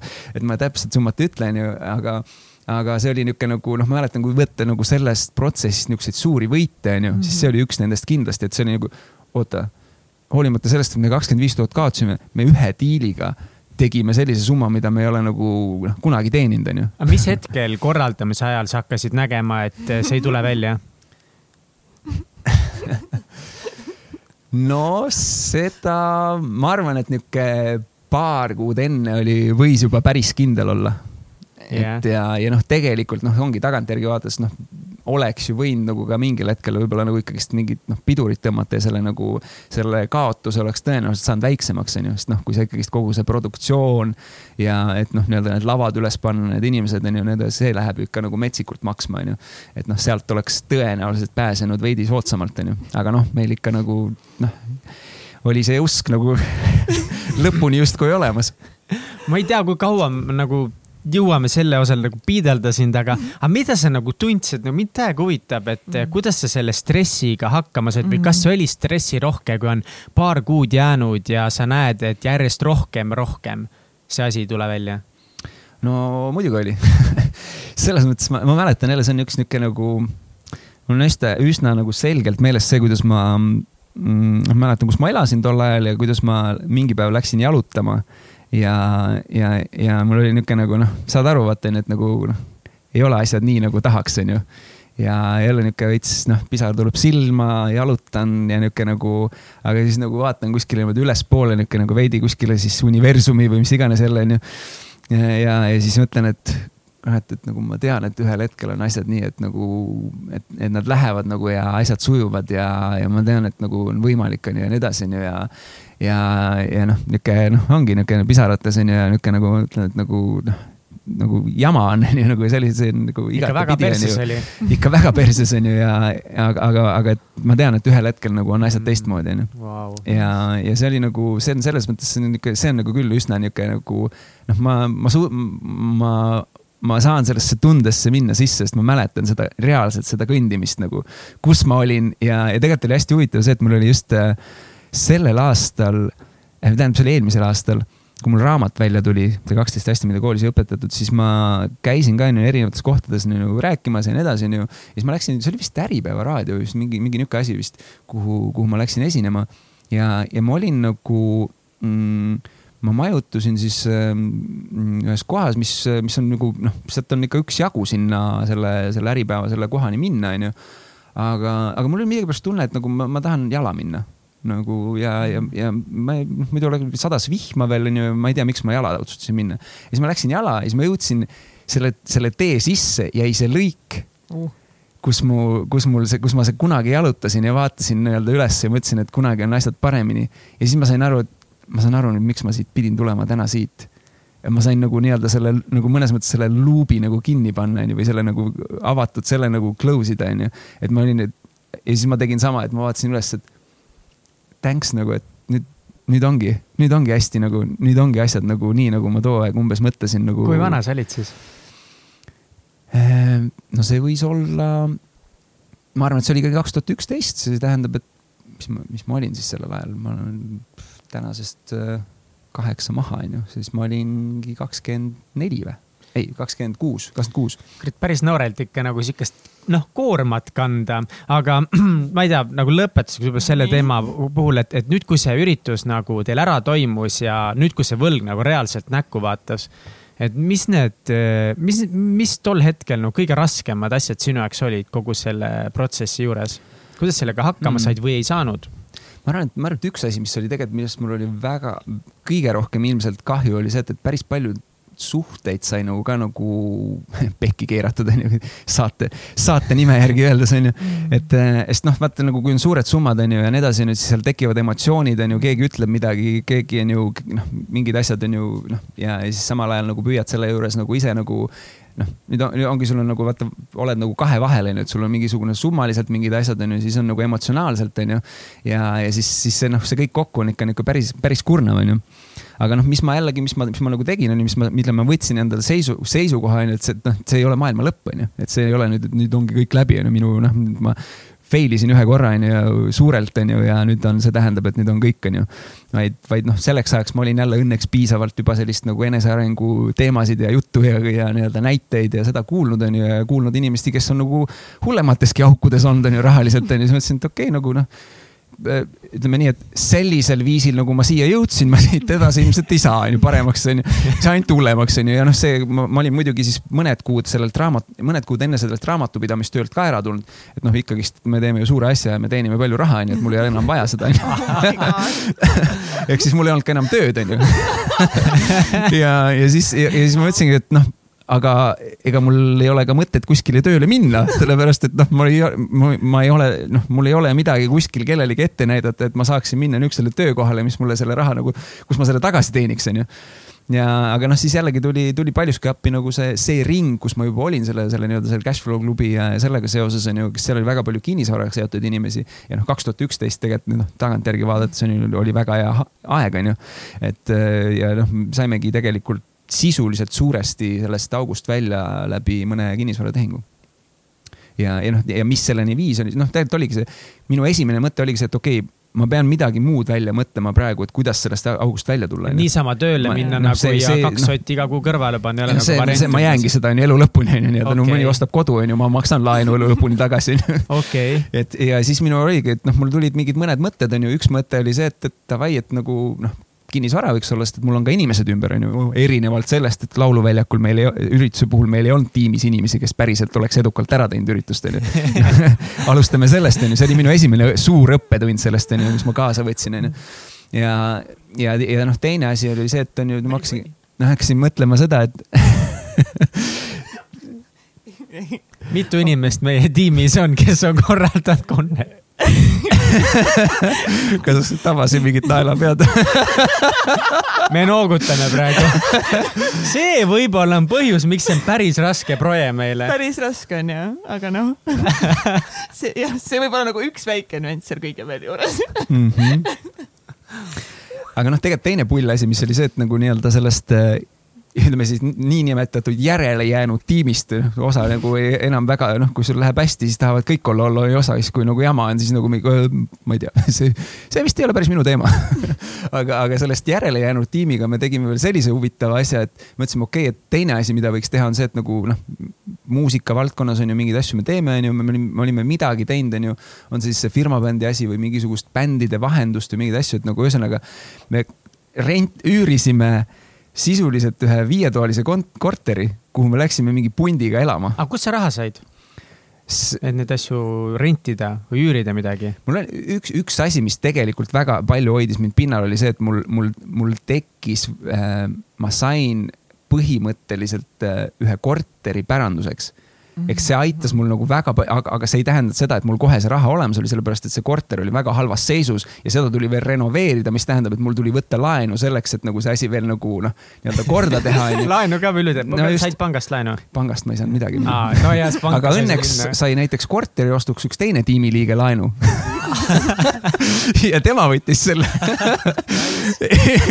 Et, et, et ühesõnaga ja noh, me võtsimegi nii-öelda siis nagu noh, pundi kokku ja siis me hakkasime noh otsima mingeid muid, tegelikult noh, sealt tekkis ka mingeid sissetulekuid läbi nagu selle, et me noh, ongi kas mingisuguseid muusikaprojekte või mingeid asju nagu ettevõtetele või midagi tegime, onju ja. ja, ja noh, see oli niisugune nagu ma arvan, ma arvan niisugune äkki kaheksa kuud või olime seal korteris niimoodi nagu pundina. oota, te olite ühes korteris? ja, ja. mitmekesi, kahe? viie, viie-kuuekesi või? Ühes korteris elasite kõik mm? -hmm. lihtsalt sellepärast, et teil ei olnudki nagu väga võimalik kuskile mujale minna? mitte otseselt või... sellepärast, vaid pigem just see, et nagu noh, nii-öelda nüüd võtta kokku punt ja sellest nii-öelda august hakata välja tulema mm -hmm. koos. aga kuidas, okei okay,, nagu ma pean küsima, et kuidas, miks te, miks sa arvad, et läks nii, et te kõik ei saatnud üksteist perse ja igaüks oli nagu kuskil oma vanemate kodus, vaid kuidas läks nii, et te ühiselt oli davai võtame ühe korteri koos, paneme pead kokku ja sööme sellest august ennast siis siit välja? see on hea küsimus, ma arvan, et osaliselt oli see, et tegelikult äh, enamiku jaoks, nende jaoks ei olnud seda nii-öelda otsest finantsilist nagu seda niisugust nagu noh, nad ei tundnud seda selliselt mm. sellepärast, et see noh, vastutus oli ikkagist nagu noh, minu ettevõte koos siis teise, teise partneriga onju, et noh, see oli nagu meie ettevõte onju, kellel siis nagu tegelik see nagu finantsvastutus nagu oli onju. et noh, osad need teised inimesed nagu noh nad olid nagu noh, nad nii-öelda emotsionaalselt nad olid osa, aga neil nagu noh, lõppkokkuvõttes on, kui nemad sealt minema jalutavad, siis nagu noh, nendelt keegi raha küsima ei hakka, onju. Mhm. et noh, see, see, ma arvan, nagu oli nagu ja no oligi võib-olla see ka, et nagu, et, eh, et see selline nagu noh teeme midagi koos, vaata ikkagist on ju selle nii-öelda sellest nagu väljatulekuks on ju, et, et ei jää lihtsalt nagu noh, nüüd on kõik on ju no, läbi elu on ju, et ei, ei, ei nagu, nagu visanud püssi põõsasse ära selle peale, et nagu pärast seda üritust käis sul korraks peast mõte läbi, et ma ei korralda elu sees ühtegi üritust enam? ei käinud, selles osas no,, selles osas wow, ma arvan, ma arvan, et oligi ma, noh, ma sain juba ju enne üritust aru, et see läheb metsa, onju. lõpuks oli küsimus oli see, et nagu kui palju see nii-öelda, see, mis see summa, noh, mingid päevad oligi, no jube äge oli see, kui meil oli see jälle muusikute laager oli, onju, siis oli Nelijärvel, onju. vaatad, seal kõik naudivad muusikud, meil jumala äge, kusjuures Karl-Erik Taukar osales näiteks, onju. ta oli noh, bassimees lihtsalt siis onju siis keegi ei teadnud teda, onju. aga, aga nagu põhimõtteliselt onju, noh, vaatadki jumal, mingid, noh, oligi veel Iiris Vesik osales ja mingid hullud, noh, ägedad muusikud on koos, mingid ägedad juhendajad onju. meil on veel pilt, kus nagu äh, näiteks Mihkel Raud oli juhendaja, siis mul on, mul on niisugune pilt, kus on äh, Iiris Vesik laulab, Karl-Erik Taukar mängib bassi ja Mihkel Raud mängib kitra, nagu jämmivad koos et no mingeid niisuguseid asju toimus, onju, ja nagu noh, ja mina, noh, ma sain seal mingi, mingit nii-öelda põgusalt olla osa, aga mul on nagu samal ajal peas, et noh, tegelikult meil on nagu, nagu meil on, ma, ma, ma ei tea, palju see nüüd on, on ju, see summa täpselt on ju, mis, millega me miinuses oleme, aga nagu, aga nagu palju, on ju. et nagu noh, selles osas nagu, millest, millest sa üldse kus see küsi-, mis su küsimus, küsimus oligi nagu see, et selle võib-olla esimene miks? küsimus oli see, et miks te kõik suutsite koos selle tiimi teha, millest võib-olla rääkisite. teine küsimus see, et, et, et kas sul üldse ei käinudki peast läbi see püssi, jah ei lahe noh, kõva mees ta. aga selles suhtes oli jah, et, et, et ma, noh, ma sain sellest aru juba enne ja et mm -hmm. ehk et see andis mulle nagu selle, et ma nagu mõnes mõttes sain kohaneda seda mõttega, et see miinus tuleb, onju. ja, ja siis nagu selleks ajaks, kui see reaalselt tuli ja vaatasin, mis see numbriliselt reaalselt on, onju, siis oli juba see nagu, et okei okay,, et mis noh, vaatasin, mis, mis on see, mis on see plaan, millega me siit välja saame. Nice, ülielu terve suht, kuulete kõik jah? Davai, juba ette, Kats, kas me mõtleme ette juba? ma olen juba kõik ära mõelnud aga, aga võib-olla veel, et kas selle august välja tulemise ajal oli ka ikkagi mõni sihuke õhtu, kus väike pisar tuli silma ja pidid uuesti taeva poole vaatama, et universumilt abi paluda? kindlasti oli, ma praegu neid niimoodi rohkem niimoodi kohe silme ette ei tule mm, -hmm. aga mm, -hmm. aga see üks, üks on niisugune hästi niisugune visuaalselt nagu ees, aga kindlasti oli veel mm. -hmm. kuidas kogu Eduakadeemia siis mm -hmm. sealt edasi algust sai, lähme sinna. see on, see on jälle niisugune nagu mm, nagu loomulik asjade kulg mõnes mõttes ja, ja mis ma mõtlen, on see, et nagu ma, kui me see enesearengu teekond on ju algas seal kaks tuhat kaheksa on ju, siis see kaks tuhat üksteist sai ta niisuguse nagu võimenduse on ju. niisugune reaalses elus, et noh, kui vaata küsitakse, et aga kui päris asjad juhtuvad, on ju, mis siis on ju, noh siis noh, siis on nii siis, siis mul on nüüd nagu näide on ju, siis on nii ja, ja, ja siis sealt edasi nagu tegelikult üks huvitav asi, mis tekkis, oli see, et inimene, kes kogu selle cashflow asja Eestisse tõi, Peeter Pärtel. et ma olen väga tänulik talle, tema tegelikult, tänu temale tegelikult tuli ka meil see esimene korteridiil nagu, mis, mis, mis peale seda festivali on ju ja, ja mis aitas meid jällegi nii-öelda samm august välja, on ju. ja, ja tema, tema, kuna ta oli Eestis väga hästi seda asja siin ajanud, siis teda kutsuti ähm, selle Robert Kiyosaki mingile siseringi üritusele. mis tähendab seda, et seal on ainult kutsetega inimesed ja, ja kuna ma olin teda aidanud nagu mingite asjade tegemisel ja nii edasi, siis ta kutsus mind kaasa. ja, ja põhimõtteliselt siis äh, läksimegi siis Ameerikasse on ju põhimõtteliselt mingi niisugune üritus, kus on jah, mingi äkki oli neli-viiskümmend inimest ja ainult kutsetega on ju, kes nagu noh, nende mingi nii-öelda juhendajad, mentorid ja, ja, ja mingisugused äh, veel olulised inimesed ja, ja põhimõtteliselt nagu, mis seal nagu, noh, ütleme siis seal tegelikult tuli minu jaoks osaliselt ühel hetkel see mõte, et ähm, et peaks nagu ära tegema. Ja üks asi, millest, millest seal juttu oli, mille peale mul nagu väga tugevalt kuidagi tekkis, oli see, kui räägiti jälle sellest äh,, hästi palju räägitakse seal kooli teemast ka, onju. ja siis, et see, et kust tegelikult hariduse definitsioon tuleb, onju.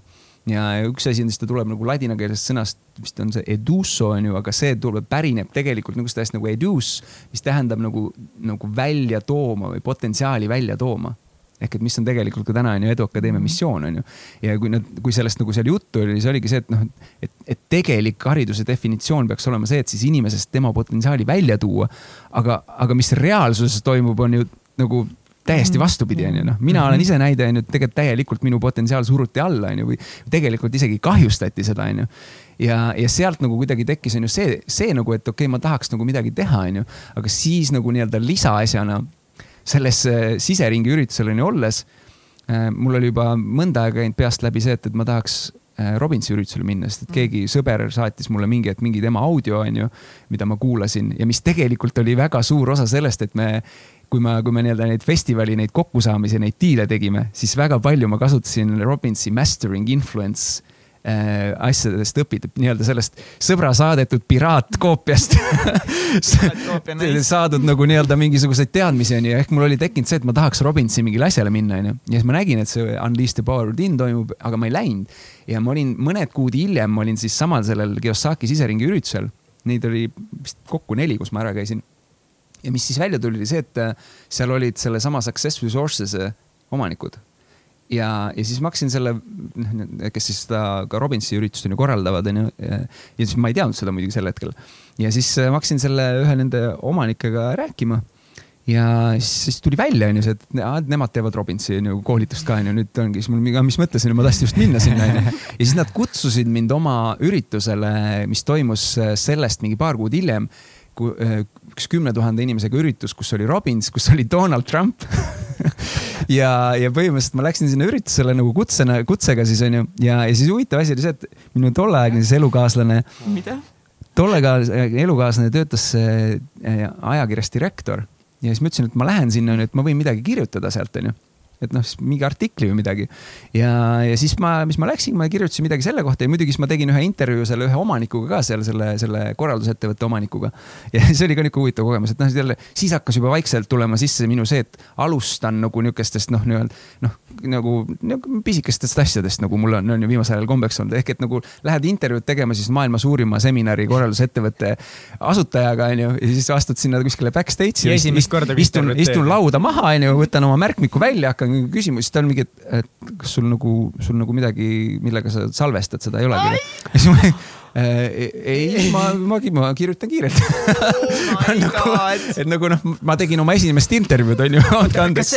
kas ma sain õigesti aru, et see oli Tony Robbinsiga? ei olnud, ei olnud, see oli, see oli selle, see oli selle Success Resources, mis on siis võib öelda niisugune üks maailma suurimaid või täna suurim on ju selline seminaride korraldusettevõte, kes seda Anthony Robbinsi koolitust korraldas ja nende omanik, selle omanik Siis... okei okay,, sihuke vend oli vastas ja sul ei olnud millegagi salvestada? ei mina ei teadnud, kuidas need asjad käivad aga, nagu. aga mis on jälle näide sellest, et parem nii-öelda nagu on ju teed tee midagi ära, kui nagu jätta tegemata, sellepärast et mul ei ole seda ja seda, onju, oli see, et äh, me saime selle artikli siis tehtud, onju. ma saatsin selle ajakirja siis sellele, siis tema abikaasale, kes on teine omanik, onju ja siis ta on mingi, oo, väga äge, onju. ja siis natuke aega hiljem ühesõnaga, ma korra räägin ka sellest üritusest ise, onju. kümme tuhat inimest, Robins oli seal, ma sain, oli hullult äge, onju, nägin Robinsit esimest korda laivis, onju, minu esi, elu üks unistusi täitus, onju äh, ja, ja siis põhimõtteliselt ta rääkis seal on ju siis sellest Unleash the Power Within'ist ja ta rääkis ka, et business master, et tal tuleb mingi ettevõtlusteemaline asi ja see oli juba mingisugune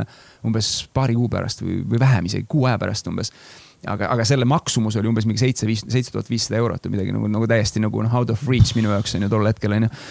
ja, ja, ja siis, ja siis, mis toimus, oli see, et kui ma olin selle ajakirja nagu saatnud on ju neile, siis ta mingi hetk kirjutas siis siis selle, siis üks nendest tagasi on ju mulle, et kuule, et kas kuidagi selle Robinsi, selle, selle Business Mastery reklaami ei saaks sellesse ajakirja. ja siis mul on mingi las ma mõtlen korra las ma mõtlen, mis sa vastu tahad ja siis, äh, siis ma pakkusin neile kaks varianti välja.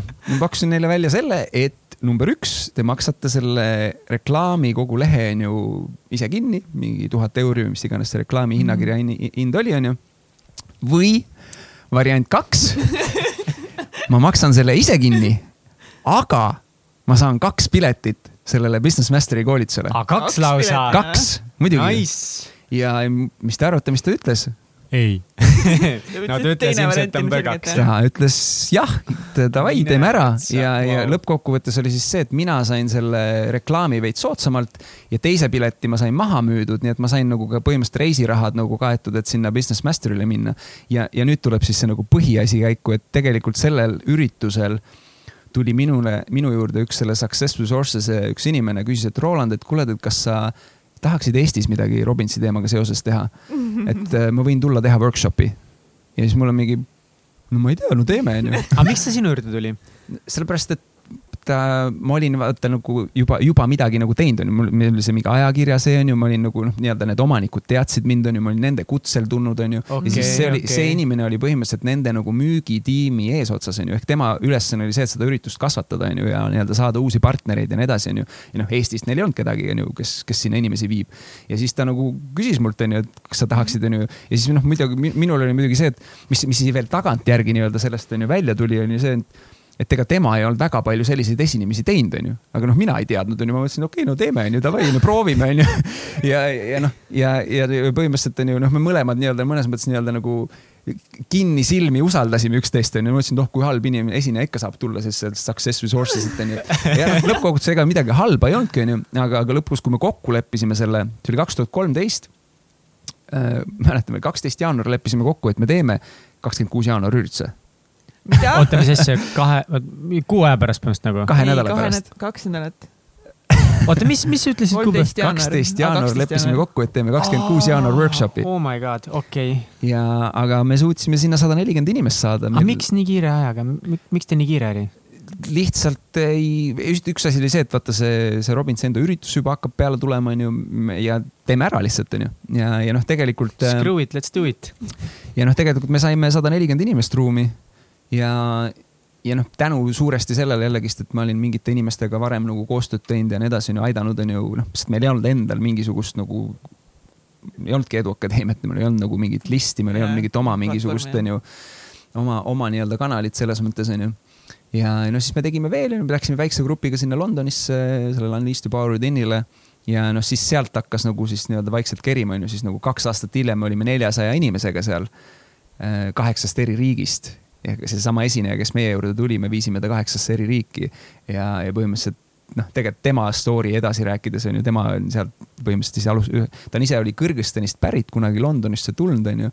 ja, ja meie viisime teda esinema erinevatesse kohtadesse ja ühel hetkel siis ma mäletan, ma kinkisin talle Nordic Business Forumi piletid selle Soomes toimuva ürituse mm, -hmm. ta käis seal, siis tal mingi ma teen Global Business Forumi Kasahstanis ja ta tegi ära selle ja siis ta tegi yeah., ühesõnaga täna tal on nagu väga hästi nagu teeb seal nagu mingeid oma, omi mingeid asju ja no muidugi sinna Global Business Forumi ta kutsus mind ka esinema, nii et ma, minu avalik esimene esinemine rahvusvaheliselt oli siis tuhande inimese ees Kasahstanis see, ma, ma näen mingit väga tugevat mustrit siin nende esimeste kordadega. ja, ja lisaks siis peaesineja oli seal Jean-Claude Van Damme, et, et nagu ei olnud. oli, et see oli niuke, seal, seal ütleme, et seal oli ka oma nii-öelda pekkiminekuid, aga, aga no ühesõnaga. aga räägi mõnest. mm,. Mis oli kõige hullem pekkimine korra et lihtsalt see nagu see nii-öelda, ma olin mingi hullult kuskil käinud jaa, nii-öelda rändamas onju, et korra see kokkuvõttes korra kokkuvõttes onju, sa alustasid sellest, kuidas see Eduakadeemia asi tuli onju, et noh, põhimõtteliselt ta sai mingi üks, nagu ma ütlesin, üks asi viis teiseni, onju, ma olin ennast arendanud, ma nägin seda, kui palju minus elu, minu elus olid mingid asjad muutunud, onju, noh, kasvõi see onju, et mul ongi mingi jama juhtub, aga ma ütlesin, okei okay,, nagu noh, vaatame, kuidas me siit edasi saame, et noh, see on tegelikult puhtalt on ju tänu enesearendamisele, see ei olnud lihtsalt on ju noh, ma nüüd olengi selline inimene sünnist peasaadik on ju. ja, ja noh, tegelikult nagu järjest rohkem ma nägin, kui palju nagu mingid asjad nagu muutuvad ja ma ja, ja, ja noh, ja ma nägin seda, et Eestis väga vähesed nagu on noh, väga vähesteni on see jõudnud tegelikult see on ju, et sellised asjad on olemas, on ju. ja ma tahtsin järjest tugevamaks läks see tung, et ma tahan teistele inimestele ka anda seda, ma tahan, et teiseks ka kogeks seda nagu teised ka tunneks seda, on ju. ja, ja siis, siis noh, ja siis hakkasid tekkima need omad võimalused on ju, see kogu see nii-öelda asjade jada, mis ma rääkisin, et ma sain kuskilt mingi pileti on ju mingisuguse ime läbi on ju nii-öelda ja siis, siis keegi ütles, et kas sa tahaksid Eestis midagi teha, on ju. ja noh, siis sealt, sealt siis see oli kaks tuhat kolmteist ja siis noh, poolteist aastat hiljem me siis tegime Eduakadeemia et see oli nagu see, kuidas nagu noh, siis selle, siis oli juba nagu meil mingisugune väiksemad sündmused tehtud, onju. ja noh, ja siis noh, kui nüüd küsida, onju see suur sündmus, kui me tegime kaks tuhat viisteist onju Saku Suurhallis esimest korda onju, siis, siis noh, selle pinnalt oli noh, jällegi tegelikult see story jätkub, onju. ehk et needsamad, kuna me, ma ütlesin, et me viisime nelisada inimest sinna Unleash the Power Within Robinsi koolitusele kaks aastat hiljem, kui me alustasime seda, onju, siis jällegist nendele korraldajatele seesama, kellele ma selle ajakirja kunagi andsin, onju, siis see, see naine, naine nii-öelda, siis see mingi ükskord räägib minuga telefonis, ütleb, et kuule, et kas äh, muide, Kiyosaki on tulemas äh, Euroopasse siin äh, järgmine sügis. et tuleb äh, rugby World Cupi vaatama, nüüd on suur rugby fänn, ise kunagi mänginud, onju. ja, ja kuna ta siin on, onju, et siis nagu, kas sa tahaksid äkki Baltikumis midagi temaga teha? ja, ja noh, ja see on, ja see on jälle nagu see, et nagu kuidas nagu onju, noh, anna väärtust enne anna ja siis tuleb sulle tagasi, onju. sest et me, ma, ma ei küsi, sest et kui me hakkasime, tegelikult siin tuleb jälle selle juurde tagasi, onju. see inimene küsis, et kuule, Roland, kas sa tahaksid Eestis teha midagi Robinsiga seoses, onju mm. E,. siis minu üks mõte oli see, et miks ma seda teha tahan. ma mõtlesin kohe, et okei okay,, mis on need miks'id, miks ma seda teha tahaks, onju. üks oli see, et ma tean, et see võib viia mind lähemale mõnele suurele esinejale, sellepärast et see rahvusvaheline korraldusettevõte on ühe kontakti kaugusel nagu noh name it on ju nagu kellest on ju. ja, ja, ja aga ma ei läinud nagu selle mõttega, et kuule, ma tahaks nüüd esinejat, et ma hakkan neid küsima, et kuule, et kas ma saaks, on ju. vaid et see nagu pigem oli see, et noh, nende korraldusettevõtte jaoks on suht obvious on ju, et nad tahavad rohkem inimesi ruumi saada, on ju. noh, see oli see, mis mina sain neile luua, on ju.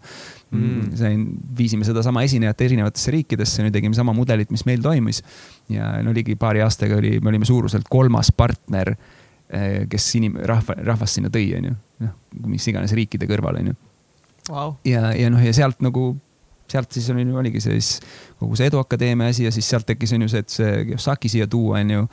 Ja noh, siis, siis nagu, noh, siis hakkas nagu mingis mõttes, mingis mõttes mingid asjad nagu noh, jälle nagu liikuma nagu teistmoodi. Kui sa nagu teed, vaata nagu teed nagu mingisuguse suurema asja ära nagu niimoodi, et see toimib, siis see on nagu teatud, see oli teatud mõttes see Saku Suurel üritus oli selline nagu nagu siis nagu niisugune meistriliigasse jõudmine on ju, nagu kui sa võtad nagu spordi, spordi mõistes paned. kes ei tea sellest Saku Suurhalli üritusest, siis kirjelda lühidalt, mida tähendas, mida, mis asi on see suur Saku Suurhalli üritus, millest sa räägid? jah, kaks tuhat viisteist tegime Wealth Forumi nime all, oligi, tõime Robert Kiyosaki, meil oli kaks tuhat viissada inimest ja siis veel teised esinejad ka.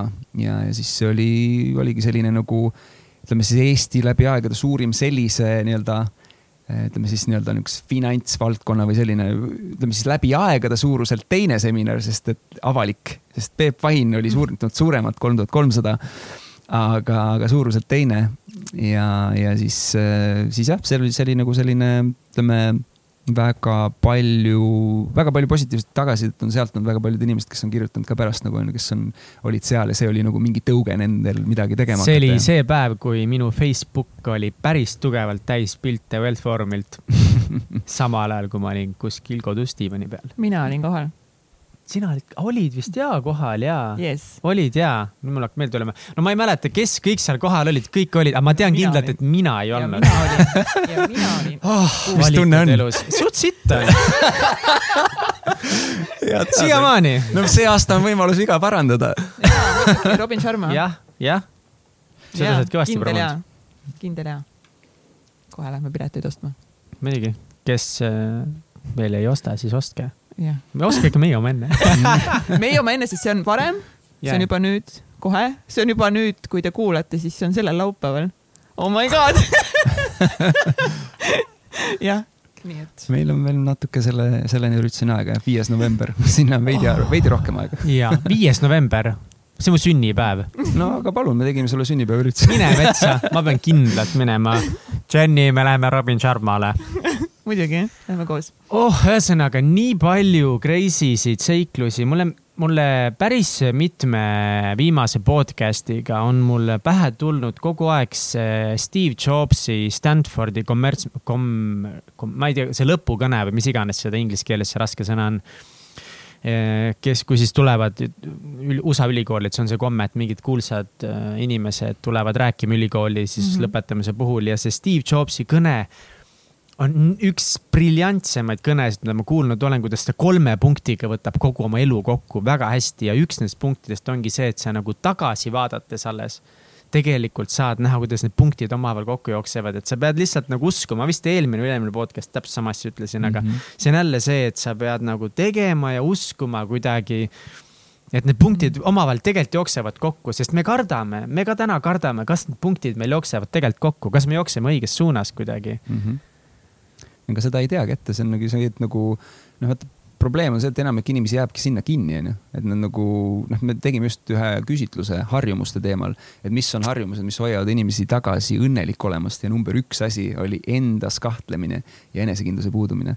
ja, ja noh, see on nagu noh, see tegelikult alustab kõik kogu selle nii-öelda ringi, on ju, surnud ringi selles mõttes, et sealt esiteks on endas kahtlemine, on ju. siis, siis sellele järgib see, et sa, sul tekib, on ju mm, sa ei, sa ei tegutse, on ju, sa oled nii-öelda nagu kahe vahel, on ju, kas ma peaks midagi tegema või mitte, on ju, siis tekib hirm, on ju, ja siis sellega, sellest tekib edasi see, et on ju, sa sa veel vähem on ju midagi tahad ette võtta ja siis tekib on ju umbes see, et sa jäädki oma mugavustsooni on ju ja nii edasi, et see tekib niisugune selline nagu noh, nagu surnud ring on ju nagu mõnes mõttes on ju. ja siis jälle võr-, võr-, järgmise otsuse juures sa oled jälle nagu veel ebakindlam on ju. ja, ja selles suhtes ongi, et parem on teha ära halb otsus kui mitte otsustada, on ju ja, ja noh, sa ei tea, kas see on halb või hea, onju. ja, ja võib-olla see halb otsus on tegelikult kõige parem üldse, mis sinu jaoks olla saab, onju, sest noh, nagu ma ütlen, et nagu täna tagantjärgi vaadates on ju, et noh, kui keegi küsiks mult, et Roland, et kas sa võtaksid uuesti ette selle lauluväljaku ürituse tänaste teadmistega, siis võib-olla ma, see on kusjuures endale esitan küsimuse yeah., millel on väga hea küsimus tahan öelda sest ma ei ole küsinud Roland, kas sa tänaste teadmistega võtaksid ette uuesti selle lauluväljaku ürituse? väga hea küsimus, Mihkel vast ma ei ole tegelikult mõelnud, see lihtsalt praegu tekkis, vaata kuidagi. aga, aga, aga sellel, sellel on väga-väga huvitav vastata seda, selle või noh, mis see vastus võiks olla, selles mõttes nagu võib-olla ma oleks nii loll, et ei võtaks. see oleks väga halb valik.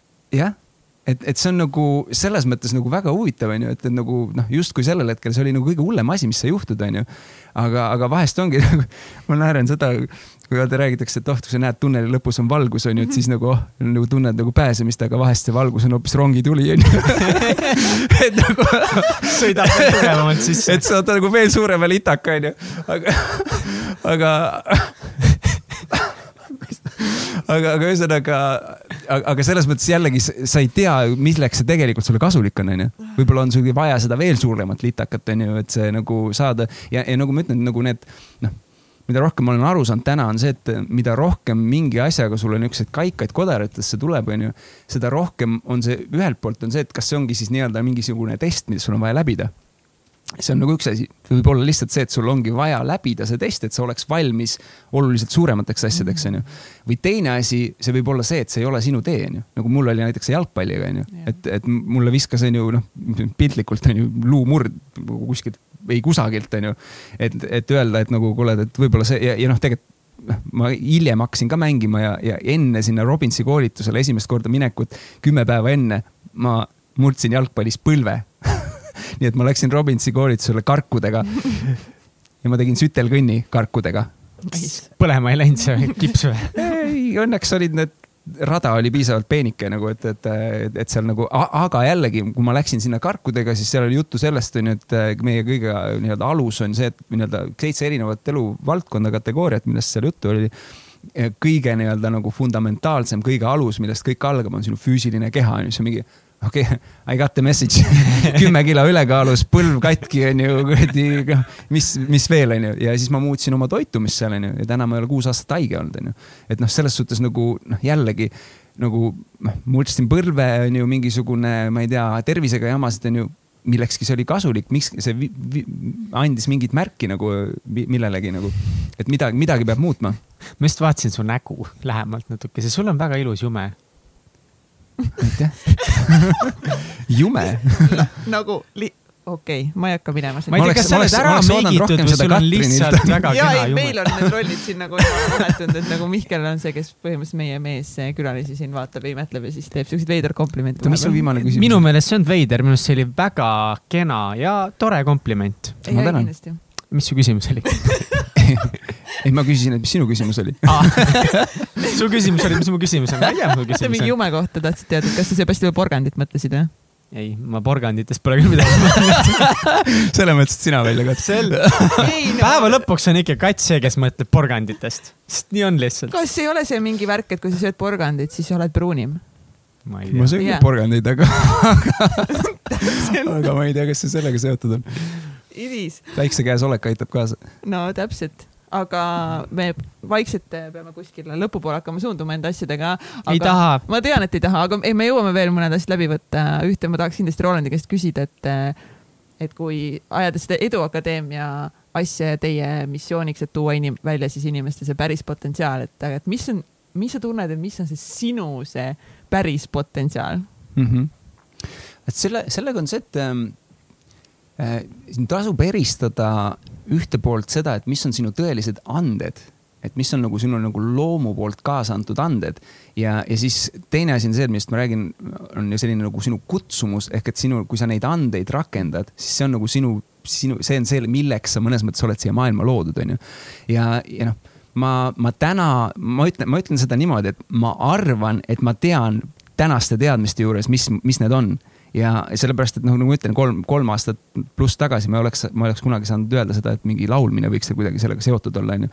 aga, aga ma arvan, et üks asi, mis on minu nagu selline tõeliseid andeid, on, on üks, ühelt poolt on see, et nagu näha mingeid seoseid mingisuguste asjade vahel, eh, mis, mis võib-olla ei ole nii-öelda nagu silmaga nii lihtsalt nähtavad, vaid nagu, nagu see on üks nagu loovuse definitsioone ka, et nagu näha seoseid asjade vahel, mis omavahel nagu justkui ei ole nagu seost ja, ja, ja, ja teine asi on kindlasti selline äh, nii-öelda selline kas siis inspiratsioon või inspireerimine, et nagu ja, ja noh, kui neid, neid asju nagu koos on ju noh, kus see nii-öelda erinevate asjade kokkupanek on see, et on ju, ma teen, on ju, ma kõnelen ja laulan, on ju, ma teen midagi sellist, mida maailmas sisuliselt täna keegi nagu sellisel nii-öelda suurel tasemel ei tee et nagu, et noh, ma panen mingeid asju kokku, onju.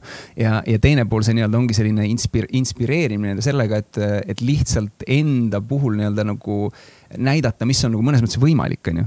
et ja, ja, ja ma arvan, ma arvan, et see on nagu ma näen täna, et see, see on tõenäoliselt üks minu niisugune nagu rolle ja, ja, ja, ja endiselt on see, et minu selline anne on ka inimestega kontakti loomine, et mul on hästi palju seda. ma siin enne hakkasin mainima seda Kasahstani seda on ju lugu on ju, esinemist on ju.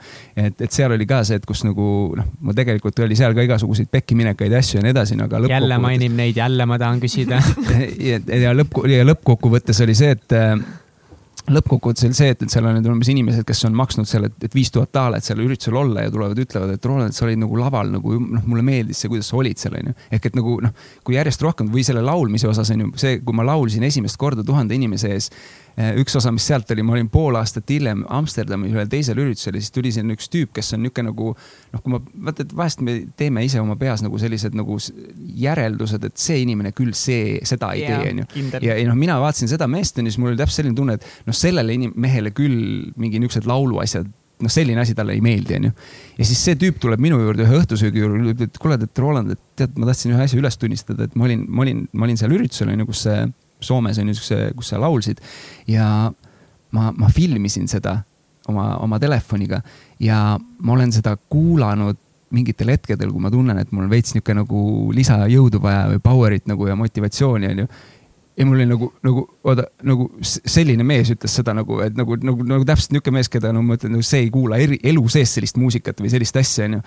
ja, ja siis noh, sellised asjad nagu vaata annavad nagu noh, ongi sellist nagu jälle nagu lisausku sellesse, et järelikult ma teen midagi, mis, mida ma peangi tegema mm. -hmm. ja, ja noh, ühelt poolt ongi see, et ma tunnen nende asju tehes hästi, on ju, see on ka äge, on ju, see ongi nagu, see on nagu üks väga-väga suur osa, osa sellest, on ju, et sa. mis iganes see, see sinu nii-öelda tee on, on ju, et sa tunneks ise selle juures hästi. aga see, aga see on veel ägedam siis, kui sa tead et see päriselt nagu mõjutab teiste inimeste elusid ka ja, ja see ei ole lihtsalt nagu sellepärast, ma ei ole kelleltki palunud või luninud, on ju, neid, nad tulevad ise, ütlevad, no inimesed, kellelt sa ei, nagu ei usuks, et neil üldse nagu üldse midagi sellest nagu meeldida võiks, tuleb, ütleb sulle, on ju. või siis on keegi, kes tuleb, ütleb, et Roland, et sa ei saa nagu jätta, et, et, et millal umbes saab salvestatud muusikat sult mul oli selline küsimus, onju. siis ma ütlesin, et no küll tuleb, onju, mingil hetkel, onju, et noh, see on iga asi, noh, universum saadab, onju, millal õige aeg on, onju. siis ta ütles, ei, Roland, sa ei saa aru. Kui sa ei jaga seda praegu teiste inimestega, siis sa mitte lihtsalt ei tee seda, et sa, eh, mitte lihtsalt, et sa ise ei saa midagi ägedat teha, vaid sa võtad teistelt inimestelt ära võimaluse saada osa sellest, mis sul tuleb nii hästi välja, mida sina teed nii hästi, mis, mis teistele inimestele loob midagi, onju. siis mul mingi, no ma ei taha seda teha et siis ma peaks nagu tegema seda, onju. ja noh, siis ongi nüüd sellest on nüüd natuke möödas, aga siis see aasta lõpuks tuleb ka muusikaalbum.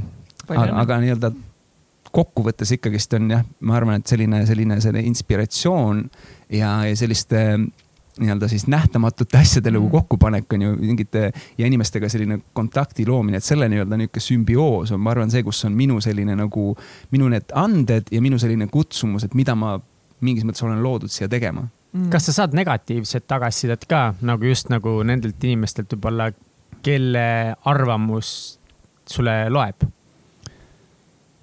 Pigem nagu sellistelt inimestelt, kelle arvamus sulle päriselt loeb. ma ei, ma ei ole nagu noh, nagu ütleme, vaata negatiivse, siin tagasisidel on ka nagu vahe, on ju, kas see on nagu, nagu konstruktiivne tagasiside selle osas, mida ma saaks paremini teha, on ju. seda ma ikka saan ja seda ma väga tahan saada, et nagu paremaks saada. Versus see, et, et kuule, et ma ei tea, et sa sa peaks nagu mõtlema, et kas, kas seda laulmise asja või seda nii-öelda esinemise asja teha, et nagu noh, sellist asja ma nagu noh, nendelt, keda ma kuulan, ei ole saanud. ja noh, tegelikult ega ma ei ole ka otseselt nagu esinemise osas selliselt saanud nagu ka mingeid muid, aga noh, ikka on neid inimesi, kes paned mingi postituse kuskile ja siis kommenteerib, on ju mingisugust nagu noh, mis, mis iganes lambi asja on ju, lihtsalt sellepärast, et nagu noh ta ei ole ise seda kuidagi kogenud, on ju, et nagu see tundub, see ei ole võimalik ja mis iganes, on ju. Mm. mu teine küsimus siin no. veel, enne kui ma lasen sul rääkida Davai, Davai, mis läks pekki siis äh, kasustamisel tead, sellega on selline asi, et selle, seda lugu ma saan rääkida hästi lühidalt või, või kolmekümneminutilises versioonis. aga, aga ma püüan hästi lühidalt teha selle osas, et, et seal oli, noh, esiteks oli see, et okei okay, hästi lühike jupp tagasi sinna oli see, et see Saku Suurel üritus, kaks tuhat viissada inimest, ma ei olnud kunagi nii suure publiku ees olnud, onju. eelmine suurim oli umbes kümme korda väiksem, onju. ma sain kaks nädalat enne seda teada, et ma olen sellel üritusel päevajuht sellepärast, et see, kes meil pidi olema päevajuht, ta ütles kuidagi, et aa, ma ei tea, ikkagist see üritus ei kõneta mind, et sa peaksid ise seda tegema, arvan. siis ma mõtlesin, okei okay. Inglise keeles on ju, ma ei ole kunagi teinud niisugust asja, onju. ja, ja siis läks nädal sellest mööda, siis helistas mulle seesama inimene, keda siis meie erinevaid riike pidi viisime neid workshop'e, kes selle esimese ürituse tuli, meil tegi Eestis onju, ütles, et kuule, et kas sa tahaksid midagi Robinsiga seoses. helistab mulle, ütleb, et Roland, et kuule, et kas oleksid valmis tulema mu sellele esimesele suurele üritusele, tuhat inimest on ju ja poolteist tundi online turundusest rääkima. mul on mingi öö, sa nagu sa nagu mõtled nagu päriselt või et sa tead, et ma ei ole kunagi nagu inglise keeles esinenud sa kutsud mind tuhande inimese ette, kus on Jean-Claude Van Damme on ju peaesineja, seal olid mingid Moira Forbes, kes on naiste Forbesi asutaja, Gianluigi Buttoni, kes oli mingi Ferrari endine CEO ja nii edasi, on ju. ja, ja siis ühesõnaga lühidalt nii-öelda, mis seal siis toimus, on ju. lendan kohale, on ju, juba seal ma ei saanud magada normaalselt, sellepärast lennukis, sellepärast oli üleöö lend ja mul oli kaks mingit äh, sületitte olid nagu üks oli kõrval, üks oli taga, onju. ma ei saanud magada ma jõudsin kohale, läksime hotelli, kell seitse hommikul jõudsime sinna, öeldi, et check-in hakkab kell kaks. mis tähendas, et ma ei saanud äh, magada ikka siis ma läksin äh, siis nende office'isse, onju, kes korraldavad seda, siis ma sain teada, et selle asemel teisel päeval, kus ma pidin esinema, ma esinen hoopis esimesel päeval, mis tähendab, et see on mm. juba homme ja, ja ma oli ja ma ei olnud päris valmis, ma tahtsin veel mingeid asju nagu valmistada, onju. ja siis viis minutit enne lavale minekut, siis järgmisel päeval, kui ma juba olin, tundsin ennast päris hästi, onju, lendab üks tiimiliige sinna green room'i nii-öelda sisse, ütleb, et Roland, me ei leia peamikrofoni, me anname sul käsimikrofoni. siis mul on mingi, oota, see vist ei toimi, sellepärast mul on ühes käes klikker, teises käes mikrofon ja siis mul on markerid ja tahvel ja ma tahan käsi ka kasutada, vaata onju. ja siis me liigume sealt nii-öelda lava poole, nihuke hull paanika on ümber minu mingid vene keeles midagi räägivad räägivad, päris täpselt aru ei saanud, aga sellest ma sain aru, et paanikas, mõtlesin, see on vist parim hetk sellist närvilisust enda ümber tunda, sa oled nagu elu esimest sellist rahvusvahelist esinemist teinud tuhande inimese ees ja siis nagu käib mingi hull möll, niisugune närviline värk on sinu ümber. ja ma arvan, et see on parim aeg. ja siis joon lava kõrval, siis nad leidsid selle peamikrofoni, nad said mulle peale ja nii kui nad selle peale sai, hüüdis see host mind lavale, onju. siis ma jooksin lavale, hakkasin trepist üles minema, vaatan, et mul see peamikrofoni juhe, mis peaks nagu selja tagant tulema, see rippus mul siit eest niimoodi siis mul mingi okei okay,, see hakkab mind segama, mul jäävad sealt käed tehase kinni onju, ma ei noh, see näeb veider välja onju, sel ajal kui ma lavale kõnnin. siis ma, ma küsisin paar küsimust inimestelt ja panin nad arutama, et mis päeva esimeses pooles toimus onju, noh, ma olin neid trikke juba õnneks õppinud onju siis ma, mis tähendas seda, et nad arutasid, ma sain lavalt maha minna, selle korda sättida. aga siis see host, see ilmselgelt ei olnud sellistel üritustel käinud, ta oli mingi kohalik celebrity, kes on mingisuguseid, noh, ta ei olnud sellist koolitustüüpi üritustel olnud, onju. siis ta vaatas, et midagi on lahti, esinejat laval ei ole, ta võttis mikrofoni, hüüdis kogu saalile, et ärge muretsege, sätime Rolandi korda, kohe saab nii edasi, siis ta mingi, thanks, miks sa seda ütlesid. sellepärast ma tegin seda sellepärast, et see oleks nähtamatu, onju. nüüd nad teavad, et ma olen algaja, onju siis ma läksin lavale, siis oli see, et ma olin paar päeva enne teinud ühe proovi esinemise ja seal oli mingi nali, keegi tegi, mis ütles, et oo, sa peaks seda seal tegema. ma ütlesin davai, ma teen selle, sellepärast et siis, siis ma saan nad endaga kaasa. ma teen selle nalja mitte mingit reaktsiooni ja, ja see tuli välja, et et põhimõtteliselt üheksakümmend protsenti inimestest oli tõlkega, mis tähendas, et need noh, ma ei tea, mis neile esiteks tõlgiti, teiseks nagu see jõuab hiljem kohale ja nii edasi, onju. ja siis ühesõnaga Eric and Meets on ju, kellega me täna hästi palju ka teeme koostööd, ta esines ka seal, siis ta ütles, et see oli üks raskemaid publikuid, kus ta üldse kunagi on olnud. siis ma ütlesin, et see on ka hea koht, kust alustada ja, ja siis, ja siis, siis nii-öelda kirsiks tordile oli siis veel see, et kui ma olin nelikümmend minutit esinenud siis mul oli ees see aeg, nii-öelda kell, mis näitas, et palju mul aega on. ja nüüd vaatan, aeg jookseb, onju, väheneb järjest onju nii-öelda ilusti ja, ja siis mingil hetkel vaatan, oot, nagu neljakümnest minutist, mis mul järgi on, on järgi äkki kakskümmend minutit. Nagu ma olen laval ja mul võetakse laval olles esinemise ajast kakskümmend minutit ära. Ja esimene, esimene mõte muidugi peas oli see, et huvitav, kas ma esinemine on nii halb et nagu tahavad mind maha, onju. davai, see vend läheb. ja just ja, ja siis, ja siis nagu noh, teine asi on see, oota, mul on slaidid, kas ma jõuan, vaata ja, ja siis noh, vaata, kui, kui see on nagu mingi niisugune pingeline see, siis kui sul on, kui sul on nagu keegi, kes on sinu jaoks autoriteet on ruumis on ju, siis tekib mingi väike lisapinge onju no niisugune on, vaata, et keegi mm -hmm. sa oled talt õppinud ja siis sellel hetkel tuli Erik Niits ka veel niimoodi siin just sisse, kes oli minu mõne, minu jaoks mõnes mõttes niisugune avaliku esinemise mentor onju. ja astub sellel hetkel täpselt ju alutab sisse, et veel niimoodi, noh, vaatame, kuidas sa sellega hakkama saad, onju. ühesõnaga jõudsin esimese, esinemise lõppu, siis oli niisugune, tulen lavalt maha ja mõtlesin, et okei okay, vist viimane kord, kui ma mingit niisugust avalikku esinemist rahvusvaheliselt teen, kõik on läbi, onju. ja siis natuke mööda mingi tiimi, paar tiimi tüdrukut tulevad minu poole, siis mingi kas me saaks pilti sinuga, siis mul on esimese hooga nagu umbes pööran pea selja taha, et nagu keda nad, kellega nad räägivad, onju. aga ei, nad tahtsid minuga päriselt, onju, ja siis tulid ülejäänud inimesed, siis ka varsti hakkas paus ja tulid järjest pilti tegema, siis oli mingi Kasahstan Business Magazine, kas me saaks paar küsimust, onju, paar vastust su käest, onju, siis ma saab ikka esimese hooga on niuke nagu ja siis, siis nagu ja siis nagu noh, tegelikult oligi siis mingid inimesed pärast ütlesid, et noh, tegelikult sa olid lavalt jumala äge onju ja nii edasi onju ja siis on mingi, aa ja noh, ja tegelikult selle nii-öelda point'ini jõudes, mis, mis siia ma arvan täna sobib, on see, et tegelikult äh, väga tihti see nii-öelda pekki minek on meie enda peas välja mõeldud mm.. ja, ja, ja tegelikult see asi, mis sa teed, äh, võib olla isegi palju parem kui sa ise seda nagu kujutad ja see ei ole üldse pekkis. aga, aga minu jaoks oli tolle ja, ja, ja või siis ongi see, et sul on neid nii-öelda neid õppetunde vaja, sellepärast et täna ma näen et ma olen ülitänulik, et igaüks nendest õppetundist juht, mis oleks võinud mind vabalt rivist välja tõmmata, onju. noh, nagu kõik, igaüks nendest asjadest oleks võinud mind täielikult rivist välja tõmmata. aga ma säilitasin endas selle, et okei okay,, kõik asjad juhtuvad mingi põhjusega, mul ei ole no,, mul ei ole mingit aimu, miks praegu see juhtus, aga no okei okay. aga see mingi põhjus sellel on ja täna ma saan aru, mis see on. see on see, et see oli minu ettevalmistus täna mul ei ole absoluutselt mingit hirmu minna ükskõik mis lavale, sellepärast et nagu ükskõik, mis juhtub, mul on mingi bring it on nagu ülikõva tore ikka, Mihkel, sa selle, selle story välja push isid. no hea. täpselt, ma püüdsin lühidalt teha. ära joosta. ja see oli väga juicy, aga ma tuleks korra, korra algusesse tagasi nagu selle enda, selle potentsiaali eh, küsimuse juurde, et et võttes kõik arvesse seda enda potentsiaali, et mida, mida, mida sa näed, et sa oled suuteline kui järgmise viie või kümne aasta jooksul kui ära korraldama, et anda nagu kõige rohkem seda väärtust ja kõike, mida sa tahad siin ühiskonda luua? hea küsimus jälle, selle osas on see, et mu aus vastus on see, et ma arvan, et ma ei tea hetkel veel, milleks ma päriselt olen võimeline, sest et äh, vaata iga, kõik on, kõik on teinud oma elus asju, mis mingil hetkel tunduvad võimatud, onju. aga lihtsalt see on viimasel ajal minu jaoks kuidagi nii tugevalt nagu accelerate inud onju, nagu kiirenenud. et noh, kui ma ütlengi kolm pool aastat tagasi ma ei oleks elu sees uskunud, et ma laulan, onju. siis täna on nagu noh, ma ei, ma ei tea, mis, mis see nagu olla võib, aga, aga kui küsida seda või nagu öelda seda, et mis, mis ma nagu ise tunnen või arvan, et võiks olla see järgmine, järgmised suuremad sammud, siis üks asi on, mis ma olen juba aastaid rääkinud, on see, et ma näen, et ühel hetkel on olemas ka füüsilised akadeemiad üle maailma mm, -hmm. kus äh, erinevatel teemadel aastaringselt äh, antakse siis nii-öelda siis antakse, antakse teadmisi edasi sellised, nagu on siis hariduse tegelik definitsioon on ju, tuua välja inimeste tegelik potentsiaal. ja, ja ma ei tea, kuidas või mis kujul see nagu tuleb või kuidas see kokku saab, on ju, et ja kas see on kuidagi mingisuguse, reaalselt mingisuguse kooli moodi asja alustamine või mis iganes, on ju äh, ma arvan, et see on midagi sellist suurt nagu, mis, mis on, mis, mis nagu võiks olla tulemas.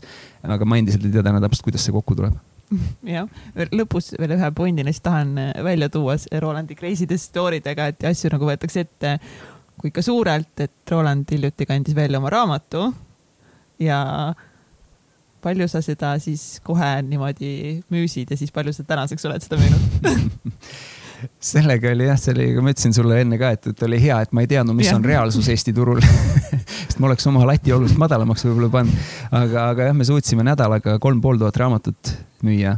mis, mis hiljem selgus, mul üks tuttav saatis mingisuguse Kirjastuste Liidu top sada kaks tuhat seitseteist müügid.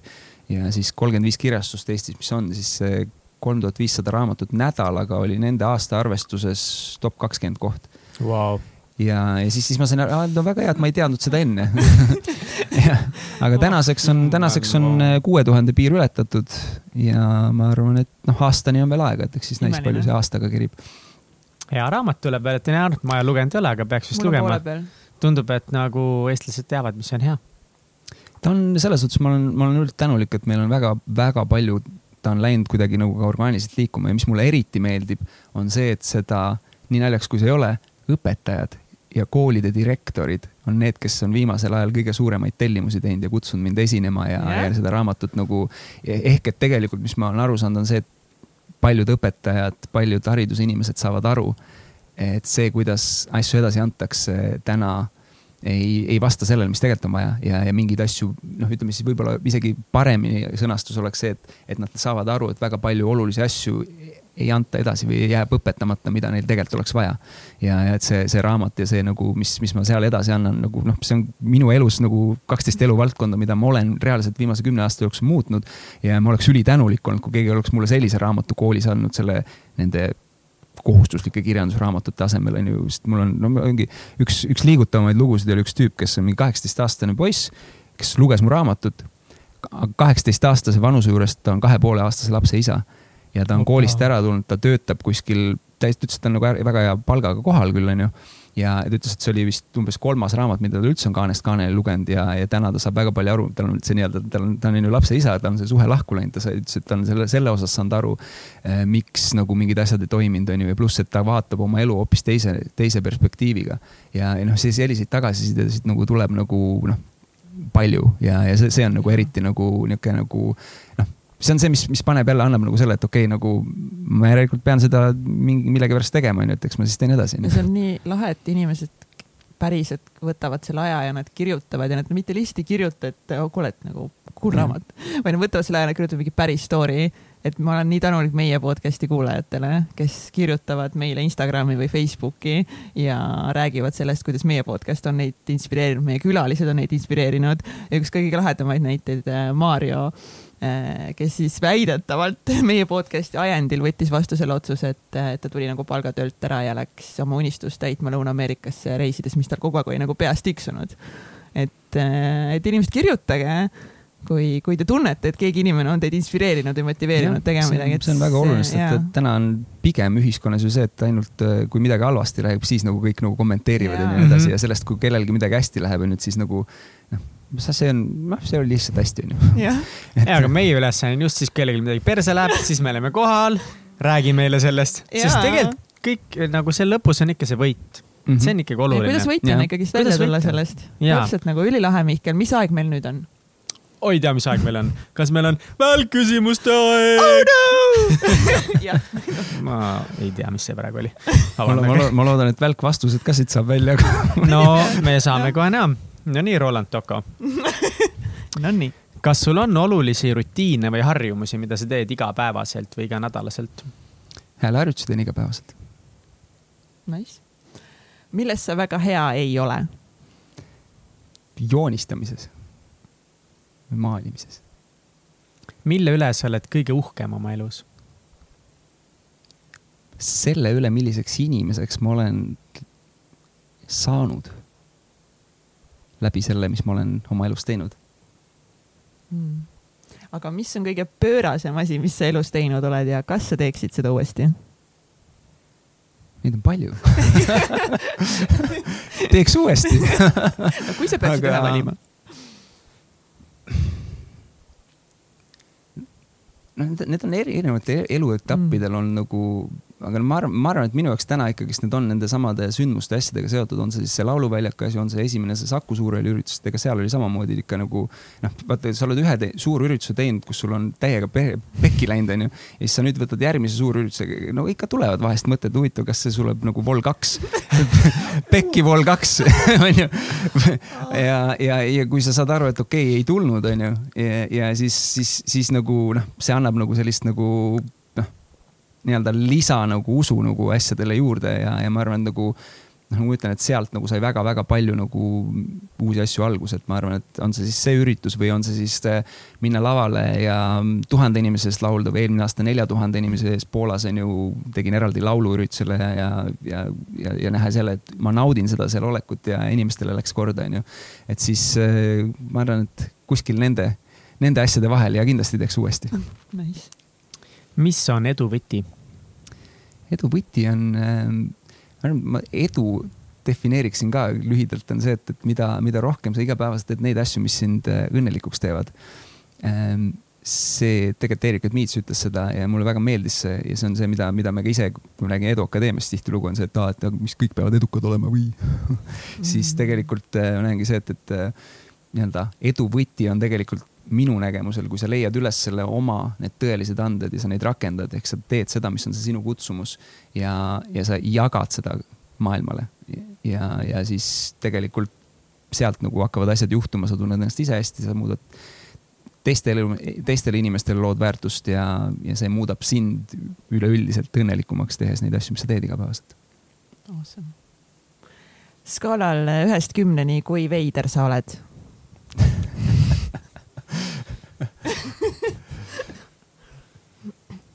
üheksa, ütleme üheksa siis. on alati ruumi veel veidram olla. alati on ruumi. nüüd mul on üks äh, väga keeruline küsimus sulle ja ma ei tea, kas sa nagu oskad sellele vastata, aga on või, on või? Äh, kas ja kui palju raamatuid sa loed? kas sa loed raamatuid, oled sa raamatuid kunagi lugenud? kuidas see on su elu mõjutanud? rohkem. tegelikult on huvitav, mul on olnud perioode, kus ma loen vähem, kus ma loen rohkem, ma pean ütlema, et praegune periood on see, kus ma olen väga palju lugenud. ma olen viimase mingi, ma umbes niimoodi, niisugune raamat kaks kuus on läinud viimased mingi pool aastat. Nice. mis on viimase aja mingi kõige huvitavam raamat sinu jaoks olnud? Te, tegelikult on, see on, see on justkui nagu ma oleksin plaaniks oli nii-öelda, et aga, aga viimane, mis mulle päriselt siiralt korda tegi, mis ma reaalselt viimasena lõpetasin, siin oli Sharma juht ilma tiitlita ja mis oli minu arvates tema nendest kolmest, mis tal, kaks, mis tal on väljas ja kolm, ütleme siis okei okay,, tal on neid rohkem, aga kolm, mis ma olen lugenud, see Munk, Munga lugu ja tal tuleb uus, ma olen seda ingliskeelsena lugenud, aga see oli nagu kõige nagu rohkem kuidagi kõnetas, ta rääkis seal väga palju neid sarnaseid asju, mida, mida ma ka ise jagan ja, ja minu jaoks hästi jäi kõlama kuidagi see, et et ma tulen korra tagasi sellesama nii-öelda see õnnelikkuse ja oma, oma selle kutsumuse ja kõige selle juurde, et, et kõige kurvem on see, kui sa elu lõpus avastad seda, et sa oleks saanud oluliselt paremini teha. Ja, ja teine asi on see, et, et sa oled avastanud seda, et sa, sa ei jaganud seda oma nii-öelda siis annet või potentsiaali või seda, mis sinu sees oli olemas teiste inimestega. Ja sa jätsid selle enda sisse, et see on nagu üks mm., üks nii-öelda hullemaid tundeid, mida sa saad oma elu lõpus tunda jah, aga eh, meil seoses raamatutega, mul oli täna mega suur väljakutse seoses sellega, et eh, tuleb siia Roland Tokko, kes ilmselgelt loeb raamatuid ja meie, meil on Miljon Mindset on meie sponsor ja me kingime igale külalisele raamatu, onju nii, ja siis tavaliselt nagu võtan ühe raamatu kaasa, siis ma valin enam-vähem välja või kaks annan valida, siis ma mingi Roland Tokkol on raudselt kõik raamatud läbi loetud, kõik on olemas, nii et ma annan sulle nüüd lihtsalt valida lootuses. tead, mis oleks naljakas, kui ta praegu ütleks, et ta pole ühtegi nendest kunagi näinud ega lugenud ega kuule, see kuulnud oleks. suurepärane, siis ta saaksid kohe niimoodi kiiresti valida. nii, sest ega küll küllale liiga ei tee. Mida suurem raamaturiiul, seda eelmises podcast'is oli see, mida suurem raamaturiiul, siis seda rohkem saad aru, kui vähe sa tead. mm. -hmm. mm. -hmm. super. iseenesest on valik hea selles suhtes, et ma- siit on üks, mida ma olen tegelikult reaalselt lugenud. ah, super. see või? jah Mm. uh,, I m psychic nagu. esmalt küsi, miks ja okei okay,, nii selle võtan välja, seda me sulle siis ei kingi. siis sa saad siit veel nüüd eh, valida Mel no ma pean kohe välja valima või? ja sa pead valima. Kohe praegu pead ära valima siin nagu- ei ole nagu noh aega. viis, Neli, kolm. siin. ma võtan selle, viie sekundi reegel, ma olen kuulnud sellest. Mel Robinson, ülilahe, see on Mhm. hea raamat. hea valik. kuule, läks hästi, ma ei põdesin jälle ilmselgelt üle seda üritust siin, et raudselt on kõik raamatud loetud huh,. ei ole, ka Roland Tokkol ei ole kõik raamatud loetud. keegi ei jaksaks. see on okei okay., see on okei okay.. kus meie kuulajad sinu tegemistel saavad silma peal hoida? eduakadeemia.ee on üks koht ja tegelikult on Facebook, Eduakadeemia Facebook, et ähm, need on, need on ilmselt põhilised kohad, kus, kus on info üleval, mis äh, me teeme. et kui midagi, jah, võib-olla isegi Facebook on kõige operatiivsem, nagu seal on nagu, kui meil mingid webinarid või üritused või asjad on tulemas, siis sinna nad ikka jõuavad üldjuhul mm. -hmm. mis on mingi järgmine äh, koolitus, seminar, webinar, kuhu sa nüüd äh, kutsuksid inimesi, kuhu mm -hmm. meie kuulajad äh, saaksid tulla, sest äh,. oma tõelist potentsiaali avastama. absoluutselt ma teen, ma teen iseenesest, noh, see on juba väga kohe homme õhtul, ma teen online kursuse salvestuse, mis on nii-öelda laivis jälle, et inimesed saavad seda vaadata. ehk siis see oli nädal aega tagasi see oli ära rahvas. see juba ära. aga seda saab siis kordusena vaadata, kui tegelikult kahjuks ei saa sest seda me laivist.